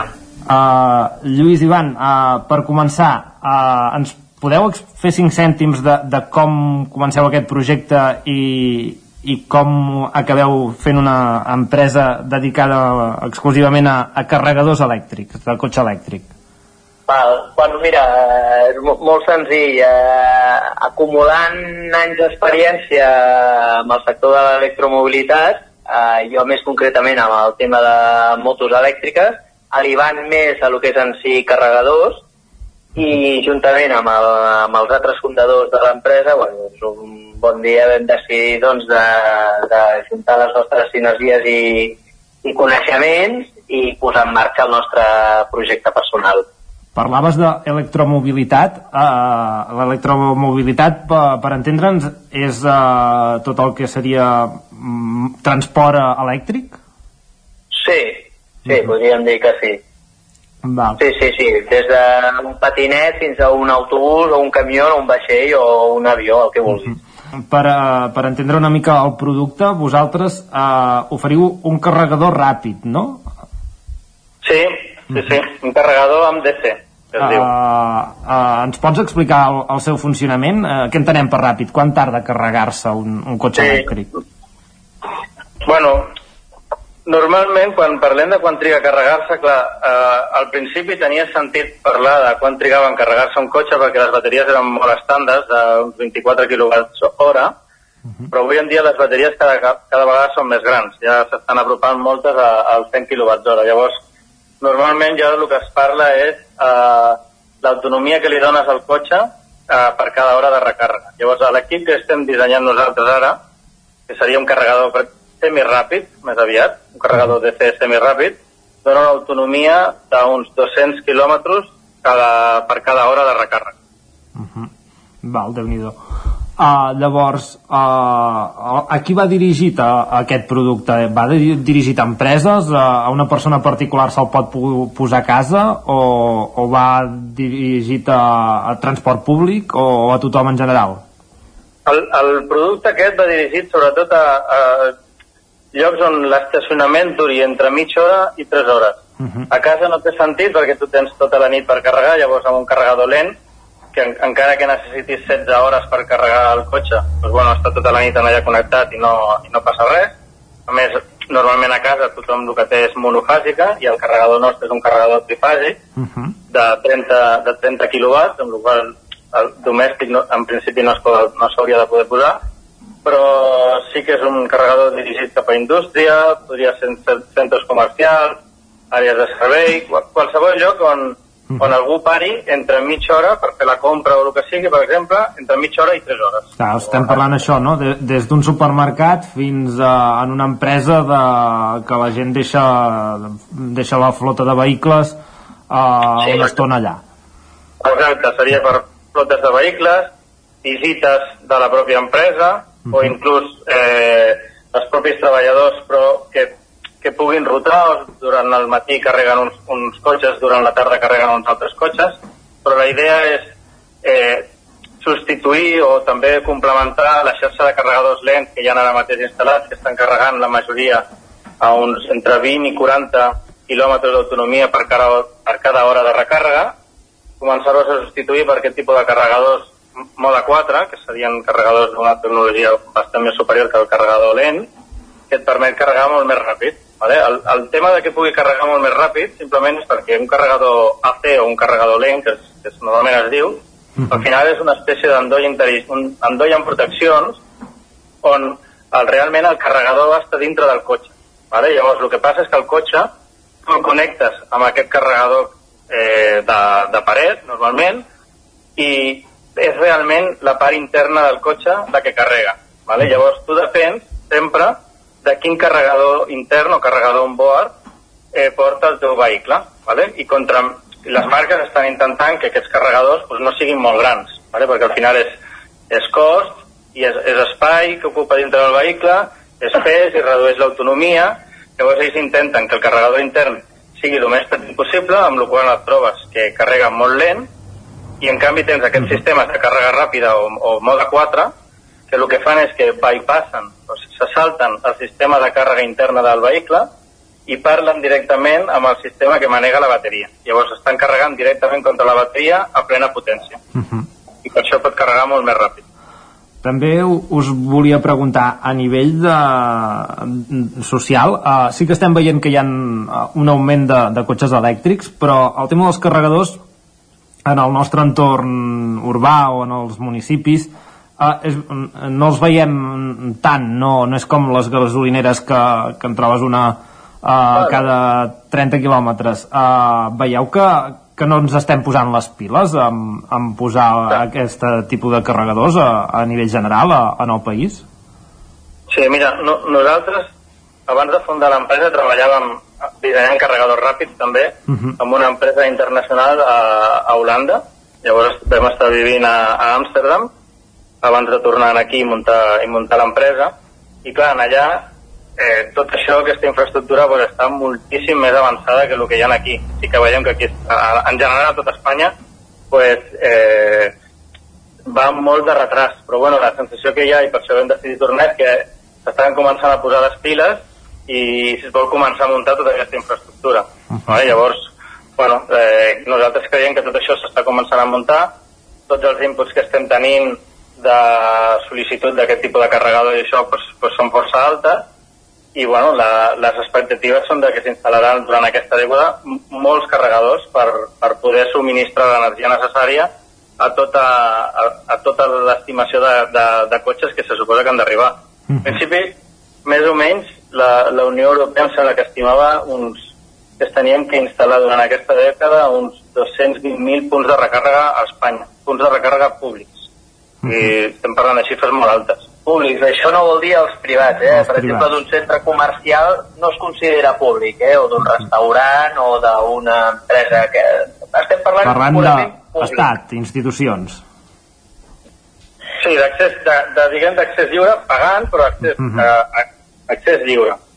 Estem veient eh, que aquest últim any la, el preu de l'energia elèctrica ha augmentat molt arran de l'augment de la inflació, del conflicte entre Ucraïna i Rússia, de la guerra. A tot aquest augment del preu de l'electricitat, de l'energia i aquest augment de preus en general us eh, suposa un impediment aquesta transició energètica en el nivell de l'augment de preu de l'electricitat? No, nosaltres creiem que no. De fet, en un, en un següent eh, carregador que estem començant a, a treballar, serà un carregador bidireccional, que eh, més enfocat, aquest sí que és enfocat a domèstic, aquest tipus de carregador el que et permet és eh, que tu connectes el, el cotxe, el carregues allà on sigui, a, a indústria, ¿vale? i quan arribes a casa el carregador el que et permet és sempre mantenint una mínima autonomia que, que tu li programes al, al vehicle eh, pues, a les hores pic on la- on la- on l'energia és molt cara tu consumeixes i poses la rentadora per exemple des de la bateria del teu vehicle. Quan el, quan el, el preu del quilowatt hora baixa, el carregador ho sap, llavors carrega la bateria i et permet jugar amb tot aquest sistema i carregar sempre quan l'energia és barata i quan l'energia és cara, en comptes de consumir de la, de la xarxa i pagar-ho car, el que fas és que extreus l'energia extra que tens dintre del teu vehicle. Uh, caram, eh, és, és molt innovador també i, i molt adaptar-se en, en el joc de, de, de les elèctriques també uh, Sí, el tema de la solar també, eh, el tema de l'autoconsum, vull dir, eh, aquí, aquí hi haurà molt, molts jugadors eh, a Mhm. tenir en compte. I, eh, realment hi haurà un canvi, hi haurà una transformació del model de transacció energètica Mhm. i de, de, de la comercialització de l'energia. Això també us ho volia preguntar. El, eh, hi ha alguna manera de, de que aquests carregadors eh, siguin, utilitzin energia solar, energia renovable directament? Eh, esteu treballant Sí, sí, amb això?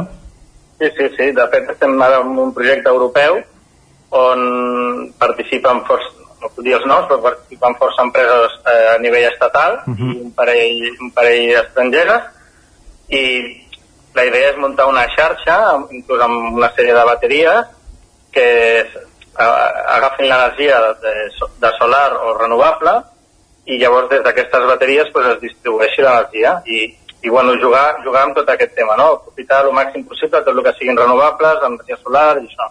Mhm. Però ja des de, tot- des de on nosaltres estàvem, que, com deia, treballàvem a l'estranger i això, ja es veia que hi havia molta importància a la demanda de que els carregadors tinguessin una entrada solar. Doncs, eh, Lluís Ivan, moltes gràcies. Se'ns acaba el temps eh, i seguiria més estona parlant amb vosaltres. Si d'un cas un altre dia us tornem a, a trucar des d'aquí al Territori 17. Però gràcies per, per explicar-nos el vostre projecte i fer-nos cinc cèntims de, també de- d'aquests dubtes que, que teníem relacionats amb, amb el tema de, dels vehicles elèctrics i, i, el, i la, el seu, els seus carregadors. Perfecte, moltes gràcies. Gràcies, gràcies a vosaltres. El dia que vulgueu ja, ja farem una altra xerrada, cap problema. Molt bé, moltes gràcies i també moltes gràcies a tots els que ens escolteu des de casa. Nosaltres us deixem amb els companys del Territori 17 per seguir repassant l'actualitat dels nostres pobles i comarques. Gràcies, Jordi. De fet, l'actualitat passa bastant més enllà dels nostres pobles i comarques perquè la notícia d'aquest matí ja s'ha fet pública. La justícia europea aixeca la immunitat a l'expresident de la Generalitat, Carles Puigdemont, i obre la porta a l'extradició. Evidentment, l'extradició no serà immediata en tot cas, i de fet ja el mateix, els mateixos advocats de Carles Puigdemont, Toni Comín i Clara Ponsatí han anunciat que aixecaran, que presentaran un recurs, però d'entrada el Tribunal General de la Unió Europea rebutja el recurs de Puigdemont, Comí i Ponsatí contra el suplicatori del Parlament Europeu i per tant perden la immunitat com a eurodiputats. Veurem ara quins són els moviments de peces perquè Uh, és possible que el jutge Llarena presenti una altra euroordre però com dèiem, primer de tot hi haurà aquest recurs que, que han de presentar la, les parts Uh, acabem aquí, uh, el territori sostenible fem una petita pausa al territori 17 i tornem d'aquí 3 minuts amb les piolades i la resta de continguts del matí El nou FM, la ràdio de casa, al 92.8. Si tens pensat canviar la caldera o posar aire condicionat, posa't en mans de Pradell. Tenen les millors ofertes. Pradell instal·la calderes de biomassa, calderes de condensació, aire condicionat tant per a particulars com per a empreses. Apunta, Pradell, Avinguda Països Catalans, número 27 de Vic. Telèfon 93 885 11 97. Repetim, 93 885 11 97. A Bailen sabem que quan té una avaria a la seva caldera vol una solució ràpida. Truqui al servei tècnic oficial Bailen i els nostres tècnics vindran ràpidament a solucionar-li el problema. A més, si canvieu ara la caldera, us regalem fins a 300 euros. Truqueu al 910 77 88 77 o entreu a bailan.es. El nou FM. Ser a prop vol dir veure les coses més bé. Apropa't al que t'interessa amb la xarxa Més. La teva plataforma audiovisual de qualitat, proximitat i gratuïta. Gaudeix dels continguts de més de 30 televisions locals i podcast quan, com i on tu vulguis. Entra a la xarxa més.cat i descarrega't l'app. Bon dia, són les 9 al Territori 17. La Miquel Parella. Cada matí i durant dues hores t'acompanyem i et posem al dia de l'actualitat de casa nostra. Potenciant així l'autonomia En aquest cas me la té saltaler si no... Cursos per feminitzar el pensament masculí. Territori 17, el magazín matinal d'Osona, el Moianès, el Ripollès i el Vallès Oriental. Que la meva àvia de 93 el anys... 9 FM, el 9 TV, el 99.cat i també els nostres canals de Twitch i hora YouTube. demà per fer-se un tatuatge. Cada matí, Territori 17. Ole. Cocodril Club. Si t'agrada la bona música dels anys 60, 70 i 80, escolta el 9 FM als matins de dissabtes i diumenges d'11 a 1. És el temps del Cocodril Club, tot un clàssic de la ràdio, amb les bases del pop-rock, les llegendes, les cançons que s'han convertit en autèntics himnes. Recorda, dissabtes i diumenges al matí, d'11 a 1, al 9 FM 92.8. Cocodril Club. El programa revival de l'Albert Malla. Hasta luego, cocodrilo. Anuncia't al 9FM. La màquina de casa. 9 3 8 8 9 4 9 4 9. Publicitat arroba al 9FM.cat. Anuncia't al 9FM. La publicitat més eficaç. Ser a prop vol dir veure les coses més bé. Apropa't al que t'interessa amb la xarxa Més. La teva plataforma audiovisual de qualitat, proximitat i gratuïta. Gaudeix dels continguts de més de 30 televisions locals i podcast quan, com i on tu vulguis. Entra a la xarxa més.cat i descarrega't l'app. El 9 FM, la ràdio de casa, al 92.8.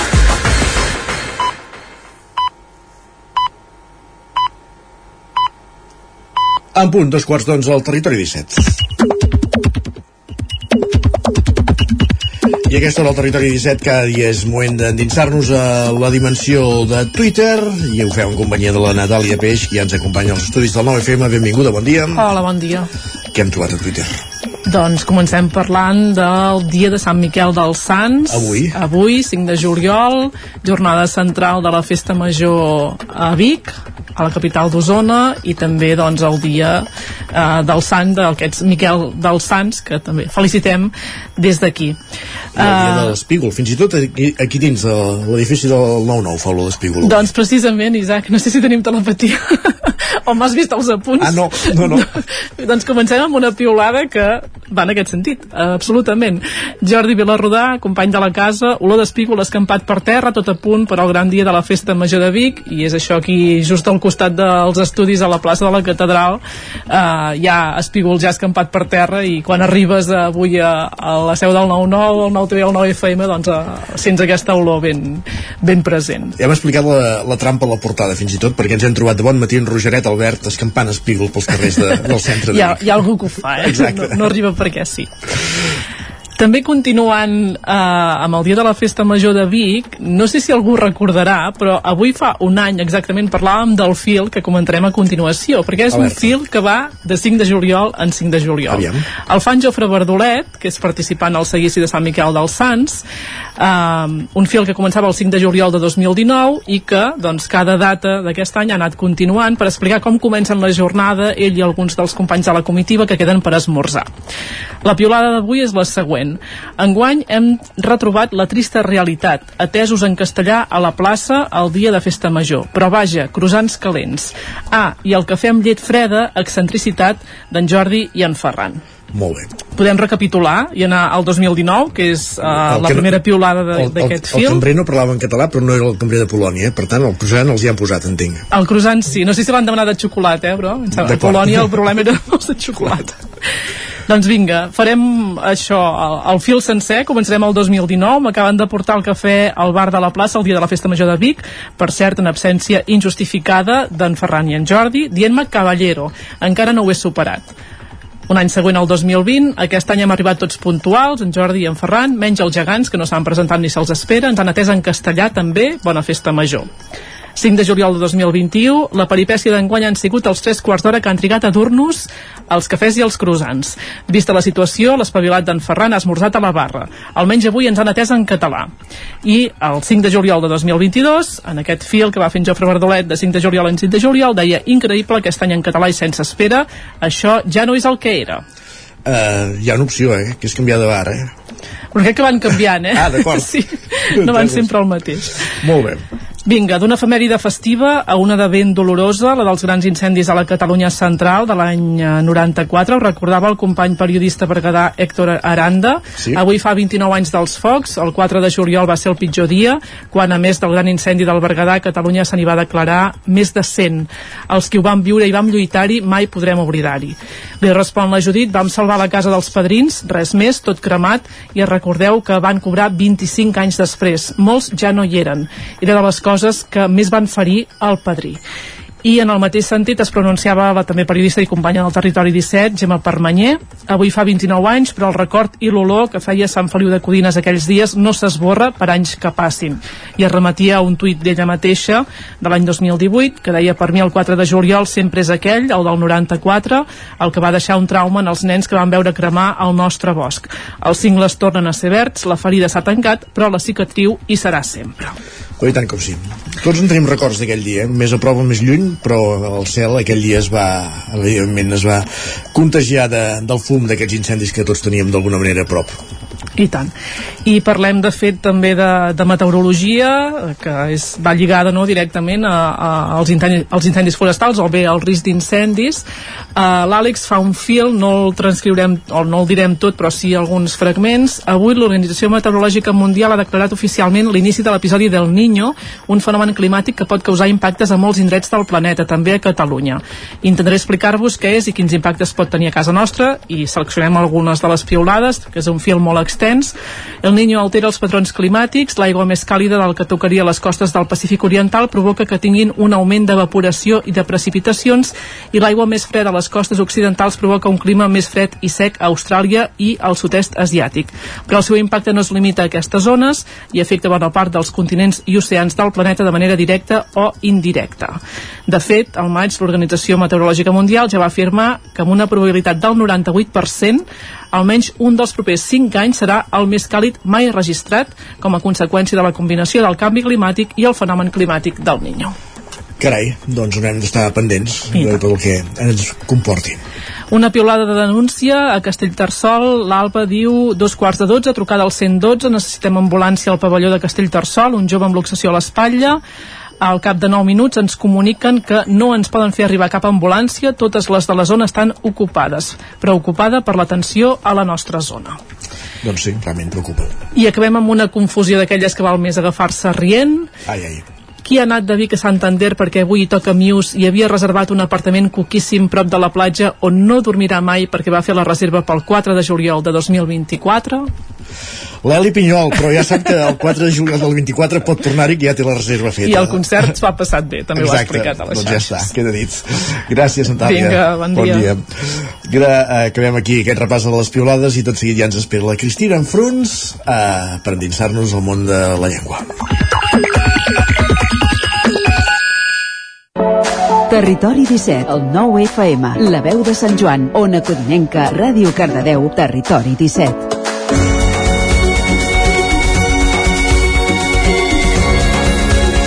Parlem de llengua com fem cada setmana amb la Cristina en fronts. En el dia que hem explicat aquesta notícia, eh, a les 10, les notícies amb l'Isaac Muntades, que el Ripollès és la comarca que més s'identifica amb el català. Però vaja, eh, nosaltres continuarem fent bandera encara que no estiguem físicament al- Ripollès. Cristina, benvinguda, bon dia, de què parlem avui? Bon dia. Evidentment segur que ho endevines avui de què parlarem, no? Espígol, major. Va, festa major. Molt bé. Festa major. Volia fer uns quants apunts de, de termes relacionats amb la festa major, que segurament que n'hi haurà algun que us sorprendrà. Doncs va, som-hi. I de totes les temàtiques, eh? Començarem, per exemple, per el folclore i la cultura popular, i al costat dels castellers, els balls, els correfocs, tot això que passa avui, una de les tradicions que està més arrelada és la cercavila. Correcte. I segur que mm, més d'un cop heu sentit a parlar i de dos, de, de la paraula passacarrers. Sí. Eh? com a sinònima de cercavila però vigilem, perquè aquest és un castellanisme que hauríem d'evitar, eh? és el passacalle per tant nosaltres ja tenim la paraula cercavila hi ha moltes eh, divergències hi ha molta gent que es baralla amb aquest tema eh? que n'hi ha molts que defensen que s'hauria d'acceptar aquest passacarrer però en principi tenim ja eh, el cercavila que la podem fer servir perfectament i no necessitem res més D'acord? és, és femení, eh, tal com m'has dit, eh, apuntat. La Una cerca. exacte, sí, Una sí, veus, això me n'havia descuidat, sí, sí, sí, eh? és la cercavila. Molt sí, bé. que a vegades també hi ha tendència a fer-lo en masculina, sí, doncs mm, una cercavila.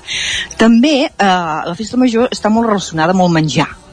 I fixeu-vos que en català és molt habitual fer servir el sufix ada per formar noms a, a, amb el significat de menjada de. És a dir, una sardinada, una botifarrada, una xocolatada. Mm? I tots aquests termes que sí. amb aquest ada eh, significa menjada d'alguna cosa. Mm? I parlant de menjar, també hi ha eh, les fires. En una festa major sempre hi ha les fires, eh? El- I segur, Les atraccions, sí. alerta, perquè hi, hi trobarem, segur que, no sé si t'agrada a tu, Isaac, ai, però ai. aquell cotó... Sí, el, aquell, el cotó aquell de, de, de cotó fluix, per entendre's. El, Ah, i com en de sucre, diries, eh? El sucre, doncs de bé, cotó fluix, doncs sí. bé, això és el cotó fluix de sucre, Sí. o també s'anomena uh, sucre filat. Ah, sucre filat. Mm? Són dues nomenclatures que podem fer servir per aquest, eh, el núvol aquest. Mm? Sí. I també segur que una altra que us sorprendrà que són les ametlles garapinyades. Correcte, aquesta sí. Però amb R, amb una sola R, eh? No són, no són garrapinyades, sinó que ve del verb garapinyar Molt i és en una, sola, amb una sola S. Vigilem, doncs, quan, la, quan anem a buscar, que bu- buscarem ametlles Garapinyades. Pensem-hi en aquesta, que segur que molts no la fem. No, la fem, ja m'incloc jo, eh? Jo també, sí. sí. I per acabar, doncs, eh, parlant d'atraccions que deies tu, Uh -huh. si anem al parc d'atraccions, recordem que podrem posar els autos de xoc, sí. els autoxoques, els autos de xoc, els cavallets Uh -huh. i a la roda de fira, La no la nòria. Ah, d'acord. Nòria és castellà. Tot i que hi ha, més, hi ha tendència, hi ha alguns eh, diccionaris que ja l'accepten, però en principi eh, la forma genuïna d'anomenar-la és la roda de fira. Mm? Carai. I deixa'm acabar, Isaac, ja que m'agraden tant els refranys, Sí. eh, ja que avui és Sant Miquel, hi ha aquell típic que diu quien va a Sevilla pierde su silla, Sí. que en català eh, ho podríem traduir per en el lloc de Sant Miquel qui s'aixeca no s'hi asseu. Mm. És maco, no? Està bé, i tant, sí, sí. A ser... Sí, sí. Doncs, per tant, acabem amb Sant Miquel. Els, adoptarem, no? els adoptarem així, sí, sí. És que eh, està, estava consternat perquè m'has desmuntat moltes coses, començant per les garapinyades avui, Ah. i, i tantes d'altres. La Nòria no, hagués no m'hagués plantejat mai que era una... La trobarem, eh? Vigilem perquè la trobarem, la trobarem perquè és això, eh? A vegades el llenguatge eh, és molt... Mm, hi ha gent que tendeix a acceptar unes coses, d'altres no, vull dir que mm, vigilem perquè a alguns llocs s'accepta. Molt bé. Però bé, per parlar, per parlar un català genuí, en aquest cas, a vegades no el defenso, però en aquest cas el defensaré Molt i haurem de dir això. Perfecte. I hem acabat amb aquest refrany de Sant Miquel i ara donem pas a la música, oi? Vinga. Després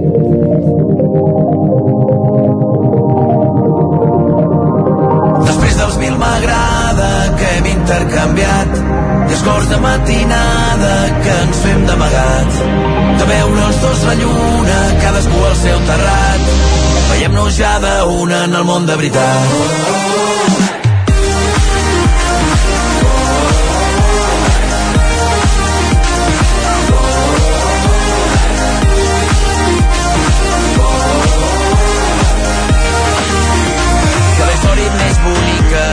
la que mai es publica. I el TikTok és més perfecte és si em balles en directe. No vull que em tornis a obrir per parlar-nos per privat. Ens toca sortir una nit descobrim junts la ciutat després dels mil m'agrada que hem intercanviat. I els cors de matinada que ens fem d'amagat. De veure els dos la lluna cadascú al seu terrat. Veiem-nos ja d'una en el món de veritat Ai, aquest, vegem el, el, el d'un aquest, mal d'orelles que em fa. Mare de Déu, uh, escoltem els dues, eh, Cristina? Exacte. Uh, els duos, els duos que segurament serà una cançó que la sentirem força aquest estiu. Sí. Tinc feina aquí, eh? Per tant, no, quan ja- tu em diguis ja plega... Doncs dispara, va. Quan tu em diguis que en tens prou, jo No, no, plegaré. no, no, no. D'acord? Doncs va, som- Uh, a veure, comencem aquest de veure els dos la lluna. Aquest els dos, eh? Aquest també fa una mica de mal, eh? Que de fet, quan un... jo, el, el vídeo que estic veient jo, eh, ja van apareixent les lletres i, Posa- no, i no diu Ah. els dos, diu tots. Exacte.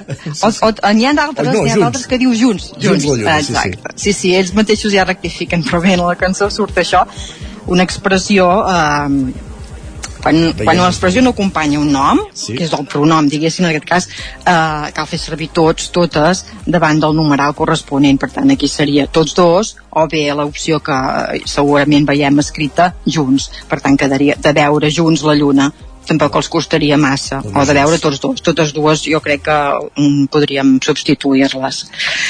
Aquest veiem-nos ja d'una. D'una, Aquest diu ell. d'una, suposo que ell, o sigui, és per abreviar, no? Eh, D'una vegada, no? Sí, sí. Suposo que devia ser això. I a més és que ell ho diu d'una, que no fa ni a l'apostrofació, que encara potser sona malament, tot i encara que apostroféssim tampoc seria correcte, eh? Però bé, eh, Després, un altre que també eh, eh, també fa una mica de mal quan diu s'apropa l'estiu i hi ha olora a juliol. Aquest verb olorar, eh? Fa olor. Signi Exacte. Quan el verb olorar significa aspirar aire amb el nas per sentir l'olor d'una cosa. Olor, olorar la colònia, per exemple. Això, això, això sí. Però quan volem expressar eh, una olor que desprèn alguna cosa, doncs haurem de fer servir aquest que dius tu, eh? Per tant, fa olor de juliol. Sí. Si fa una O traducció també- del, del Huele, fa una traducció directament, sense, Evidentment, sense més. sí, sí, sí. I aquesta sí que hem de vigilar, eh? Tenim ja l'expressió fa, fer olor i, i l'hauríem de fer servir. També diu, avui juntarem la lluna i el sol, Ajuntarem. ens faltaria una, una lletra aquí que quedaria molt millor. O bé, diu, som com dos abelles preparant la mel. Vigilem, hi ha d'haver concordança. Abelles, dues abelles. Mm? Sí, sí. I va, ja ho deixo, ho deixo aquí. No, si en tens més, tira, eh? No, ja, ja, jo ja crec que... Que Bé, Que Ja ho has dit, que, Ja- ja està que, bé, que hi havia ja feina està en aquesta bé. cançó dels buos. ja està bé. Però bé, serà una cançó de l'estiu, doncs eh, l'haurem de, de gaudir. El munt de No? veritat es diu de fer la cançó. Exacte. Doncs un cop ja hem, sabut, ja hem sabut tot el que li podem corregir, eh, acabem-la de gaudir de l'estiu perquè de fet no, no tenim més opció, vull dir que no, no dependrà de nosaltres gairebé, vull dir que... Home, no, que ja està bé, que ja està bé.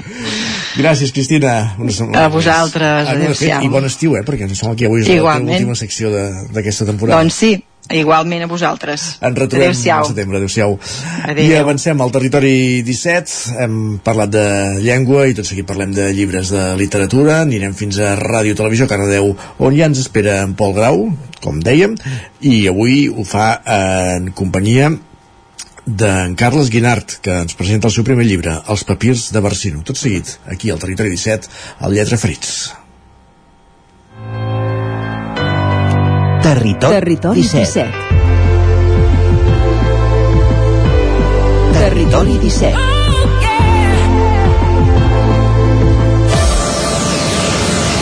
Passa un minut d'un quart d'onze, de tres quarts d'onze del matí.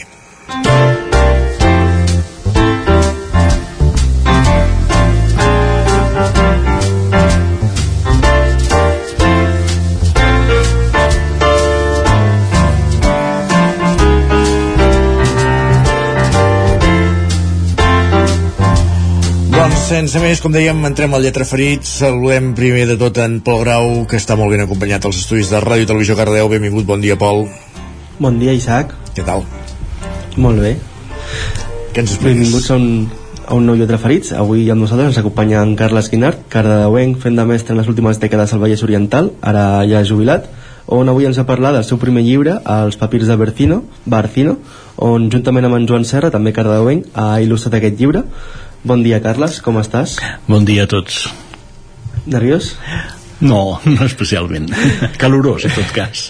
I avui que, mira, avui està mig plora aquí a Cardedeu ja quasi. Sí, realment. Eh, és el primer llibre que escrius, no sé com, com vas decidir començar a escriure o què et va inspirar per escriure'l. Bé, jo sempre havia tingut pulsions pulsions de lletra ferit i m'ha fet gràcia, havia escrit coses però bueno, ara va arribar un moment en què vaig pensar que, bé, que, era, que era just el temps de poder escriure una història que, que sempre m'havia agradat, que era sobre el tema de un tema històric, un tema del romans i però, bueno, que han deixat molta petjada en la nostra civilització eh? som producte d'alguna manera d'aquelles primeres civilizacions romanes amb la nostra cultura, la nostra religió la nostra gastronomia, les nostres maneres de relacionar-nos amb el dret civil que utilitzem amb temes de comerç tot això molt, molt, molt té a veure amb el nostre passat i el nostre passat més recent en aquest sentit és el dels romans, l'imperi romà eh, de la república romana i per tant en, entenem... per tant hi ha un, un intent una mica de, també de divulgació d'aquella època eh? a part de fer una novel·la de ficció una tasca divulgativa que bueno, té a veure una mica també amb, el meu, amb la meva feina de mestre no? que havia fet fins ara uh -huh. Ara ens ho deies, una novel·la de ficció inspirada eh, en, aquesta, en aquesta època i per tant amb, també amb clau divulgativa eh, quin és el punt de partida quin és l'argument fins on podem explicar per no fer spoiler del que és eh, aquesta novel·la?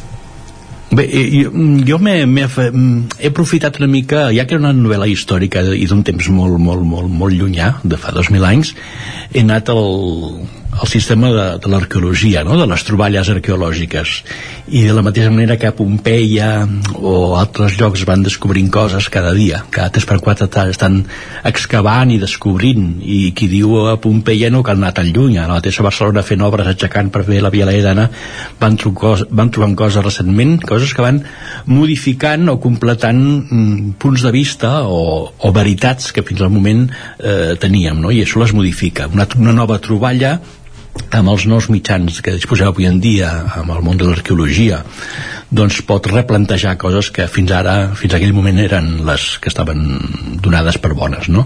llavors jo, jo per l'arrencament d'aquesta ficció la faig amb, amb un descobriment es descobreixen uns papirs molt antics tots traslladant un museu d'un lloc a l'altre amb uns soterranis es troben uns papirs en molt mal estat i aquests papirs eh, això al segle XV eh, es troben aquests papirs i llavors eh, es fa una una recomposició, una història de què surten uns personatges i jo arrenco això. La meva novel·la arrenca d'una troballa arqueològica. És un, d'aquesta troballa arqueològica tu com, com has sigut el procés d'informar-te de buscar informació que siguin dades fidedignes més o menys de la realitat el que es va trobar Bueno, en el món de l'arqueologia i en el món de la història les dades són molt limitades, són és tremendament limitades i a partir d'un tros de pedra, unes inscripcions, uns, unes restes de la vida domèstica d'aquell moment o de la vida militar, a partir d'aquella petita troballa es comença a fer hipòtesis de lo que pot significar, de la implicació que té. Jo el que he fet és anar a buscar eh, la història que em permetés explicar una mica la vida d'un barceloní d'aquella època, eh? que era el Luci Minici, que havia estat guanyador d'unes olimpiades, eh? les olimpiades antigues amb, la, amb les quadrigues. Clar, quin, quina informació tenim d'aquest Luci Minici? Pues simplement un pell de plaques epigràfiques, eh? un pell de, plàtica, de plaques epigràfiques descrits en pedra que estan al Museu de, Nacional d'Arqueologia de Catalunya. A partir d'aquí arrenca, arrenca la història. La informació que tenim, pues, hem d'anar a l'arqueologia a veure aquest home el que havia fet, la poca informació que tenim sabem més o menys quan, quan va néixer, sabem més o menys quina època va viure, sabem que va guanyar aquesta, aquest premi olímpic i per això hi ha més plaques epigràfiques repartits arreu de l'imperi romà perquè era un personatge important dins d'aquest imperi romà va arribar a càrrecs importants i a partir d'aquí arrenco la meva història. I faig parlar faig parlar no, no el Luciminici com a tal sinó el, el, la persona que realment va guanyar aquella carrera de quadrigues a les Olimpiades, que no era ell, sinó un esclau que conduïa la quadriga. Perquè en aquells moments estava molt mal vist que fossin els, els senyors els que conduïssin les quadrigues, sinó que això era una feina d'esclaus o de lliberts, com a màxim. Eh? A partir d'aquí, jo trec la història a partir d'aquí, l'esclau, en Nociola, en Nociola eh, em reivindica a mi com a autor que em deixi d'històries de grans imperis de grans històries i que le, i expliqui la seva història perquè la seva història no ha estat mai explicada eh? perquè si ja ens és dificultós trobar eh, informació sobre persones importants encara més difícil es pot trobar eh, informació sobre esclaus o sobre dones, per exemple, que pràcticament no apareixen a la història d'aquesta època. Eh? Uh -huh. Per tant, està clar que els personatges tenen un paper clau en aquesta novel·la. La documentació per, per confeccionar aquests personatges, diguéssim, eh, com, com és aquest procés, no? Perquè, clar, ens podem imaginar un personatge en una novel·la actual, però clar, en una novel·la del segle XV, nosaltres no, d'entrada no sabem com, com vivien, com, com pensaven, com eren aquests personatges, diguéssim, això també necessita d'una un, capbussada, diguéssim, d'una immersió cap, a, cap al passat. Bueno, aquests, aquests papirs s'havien perduts. Eh? Sabíem, aquests papirs del segle II, situats al segle II, que no sabem quan es van escriure, perquè no hi ha data, uh -huh. ni autor tampoc, són anònims, es retroben al segle XV. Els retroben i uns monjos els intenten salvar, perquè estaven en un mal estat, i els eh, reescriuen, eh? amb, amb un altre còdex de Permia que aguanta més i aquest còdex es troba després a Barcelona eh, fa, fa, fa, fa pocs anys fa pocs anys tot canviant de, de lloc eh, al museu, a l'arxiu nacional. Llavors, jo, jo parteixo de la base quina informació em donen si vull partir de Luci Minici d'aquest personatge que va tenir certa importància durant les Olimpiades de Barcelona les Olimpiades del 92 se li va treure una mica la pols a aquest personatge molt poquet eh? i es va deixar dormir una altra vegada llavors jo arrenco d'aquí i veig les condicions de vida d'aquella època, veig eh, quins personatges hi havia, veig eh, Luci Minici quina, quina trajectòria tenia l'imperi, va combatre a Britània, va, comprar, va combatre a Dàcia, tenia grans possessions eh, a l'Àfrica, tant ell com el seu pare, o la Bètica, eh, aquest Luci Minici tenia una casa on ara hi ha, a la plaça Sant Miquel, on ara hi ha l'Ajuntament, la, la Generalitat de Catalunya, a, les, a sota, eh, s'han trobat les que es pressuposa que era la seva casa i unes termes també. A partir d'aquí doncs jo arrenco la història eh, no tenim més informació doncs m'invento un, tenim, tinc un fill i un pare, l'Ociminici fill i l'Ociminici pare i a partir d'aquí li invento una família una família, unes germanes, uns germans i, i a partir d'aquí també responc a la petició d'aquest esclau que vol que li expliquem la seva història d'en Nociola i també pues, faig una ficció, invento la seva família, la família de l'esclau i això em permet entrar en el món de l'esclavisme, la manera com funcionava l'esclavisme, les condicions de vida, els preus de l'esclaus, la diversitat de tasques que tenien l'esclau i la societat romana, com podien eh, arribar a ser lliures, eh, de quina manera podien aconseguir la llibertat. I per dir vaig estirant el fil, vaig estirant el fil tot això, clar, comprovant cada una de les dades, cada un dels personatges que hi ha un munt que entren en escena, que siguin personatges si són eh, personatges reals comprovo realment que fossin d'aquell moment que visquessin en aquella en aquella època, que visquessin per aquelles terres, i si són ficticis intentar lligar-los també a la, a la realitat del moment. Bé, quan vas començar a escriure o plantejar-te aquests papirs de Bercino? A mitjans eh, de l'any 2021 vaig començar a donar-li voltes i, i vaig dedicar a acabar-lo entre el 21 i el 22 eh? Després enviar-lo a les editorials esperar que responguin si sí o si no tot això porta un temps extra afegit eh? de tenir-lo una mica en el calaix esperant resposta i a partir d'aquí com que no va haver interès perquè el món editorial és molt difícil d'aconseguir eh, me'l vaig autoeditar jo eh? i l'he distribuït per, per a unes llibreries d'unes ciutats de Barcelona, a Vic i és, per exemple, també, uh -huh. I a Cardedeu, a Barcino, i a, altres llocs també. I me'l vaig autoditar jo. I ja anem per acabar eh, eh, com apuntava abans en Pol aquest llibre compta amb les il·lustracions eh, també de Joan Serra com ha estat el treball amb ell? Molt, molt interessant, molt interessant.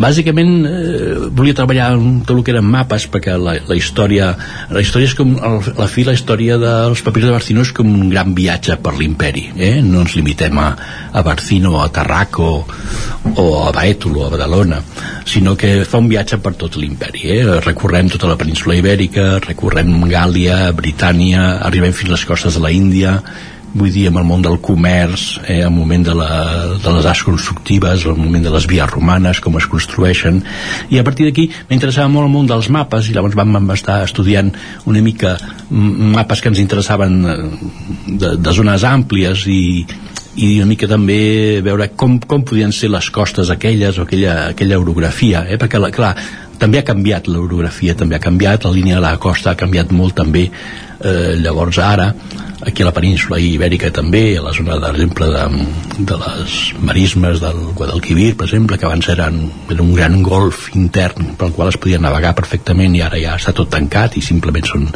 conreus o són maresmes.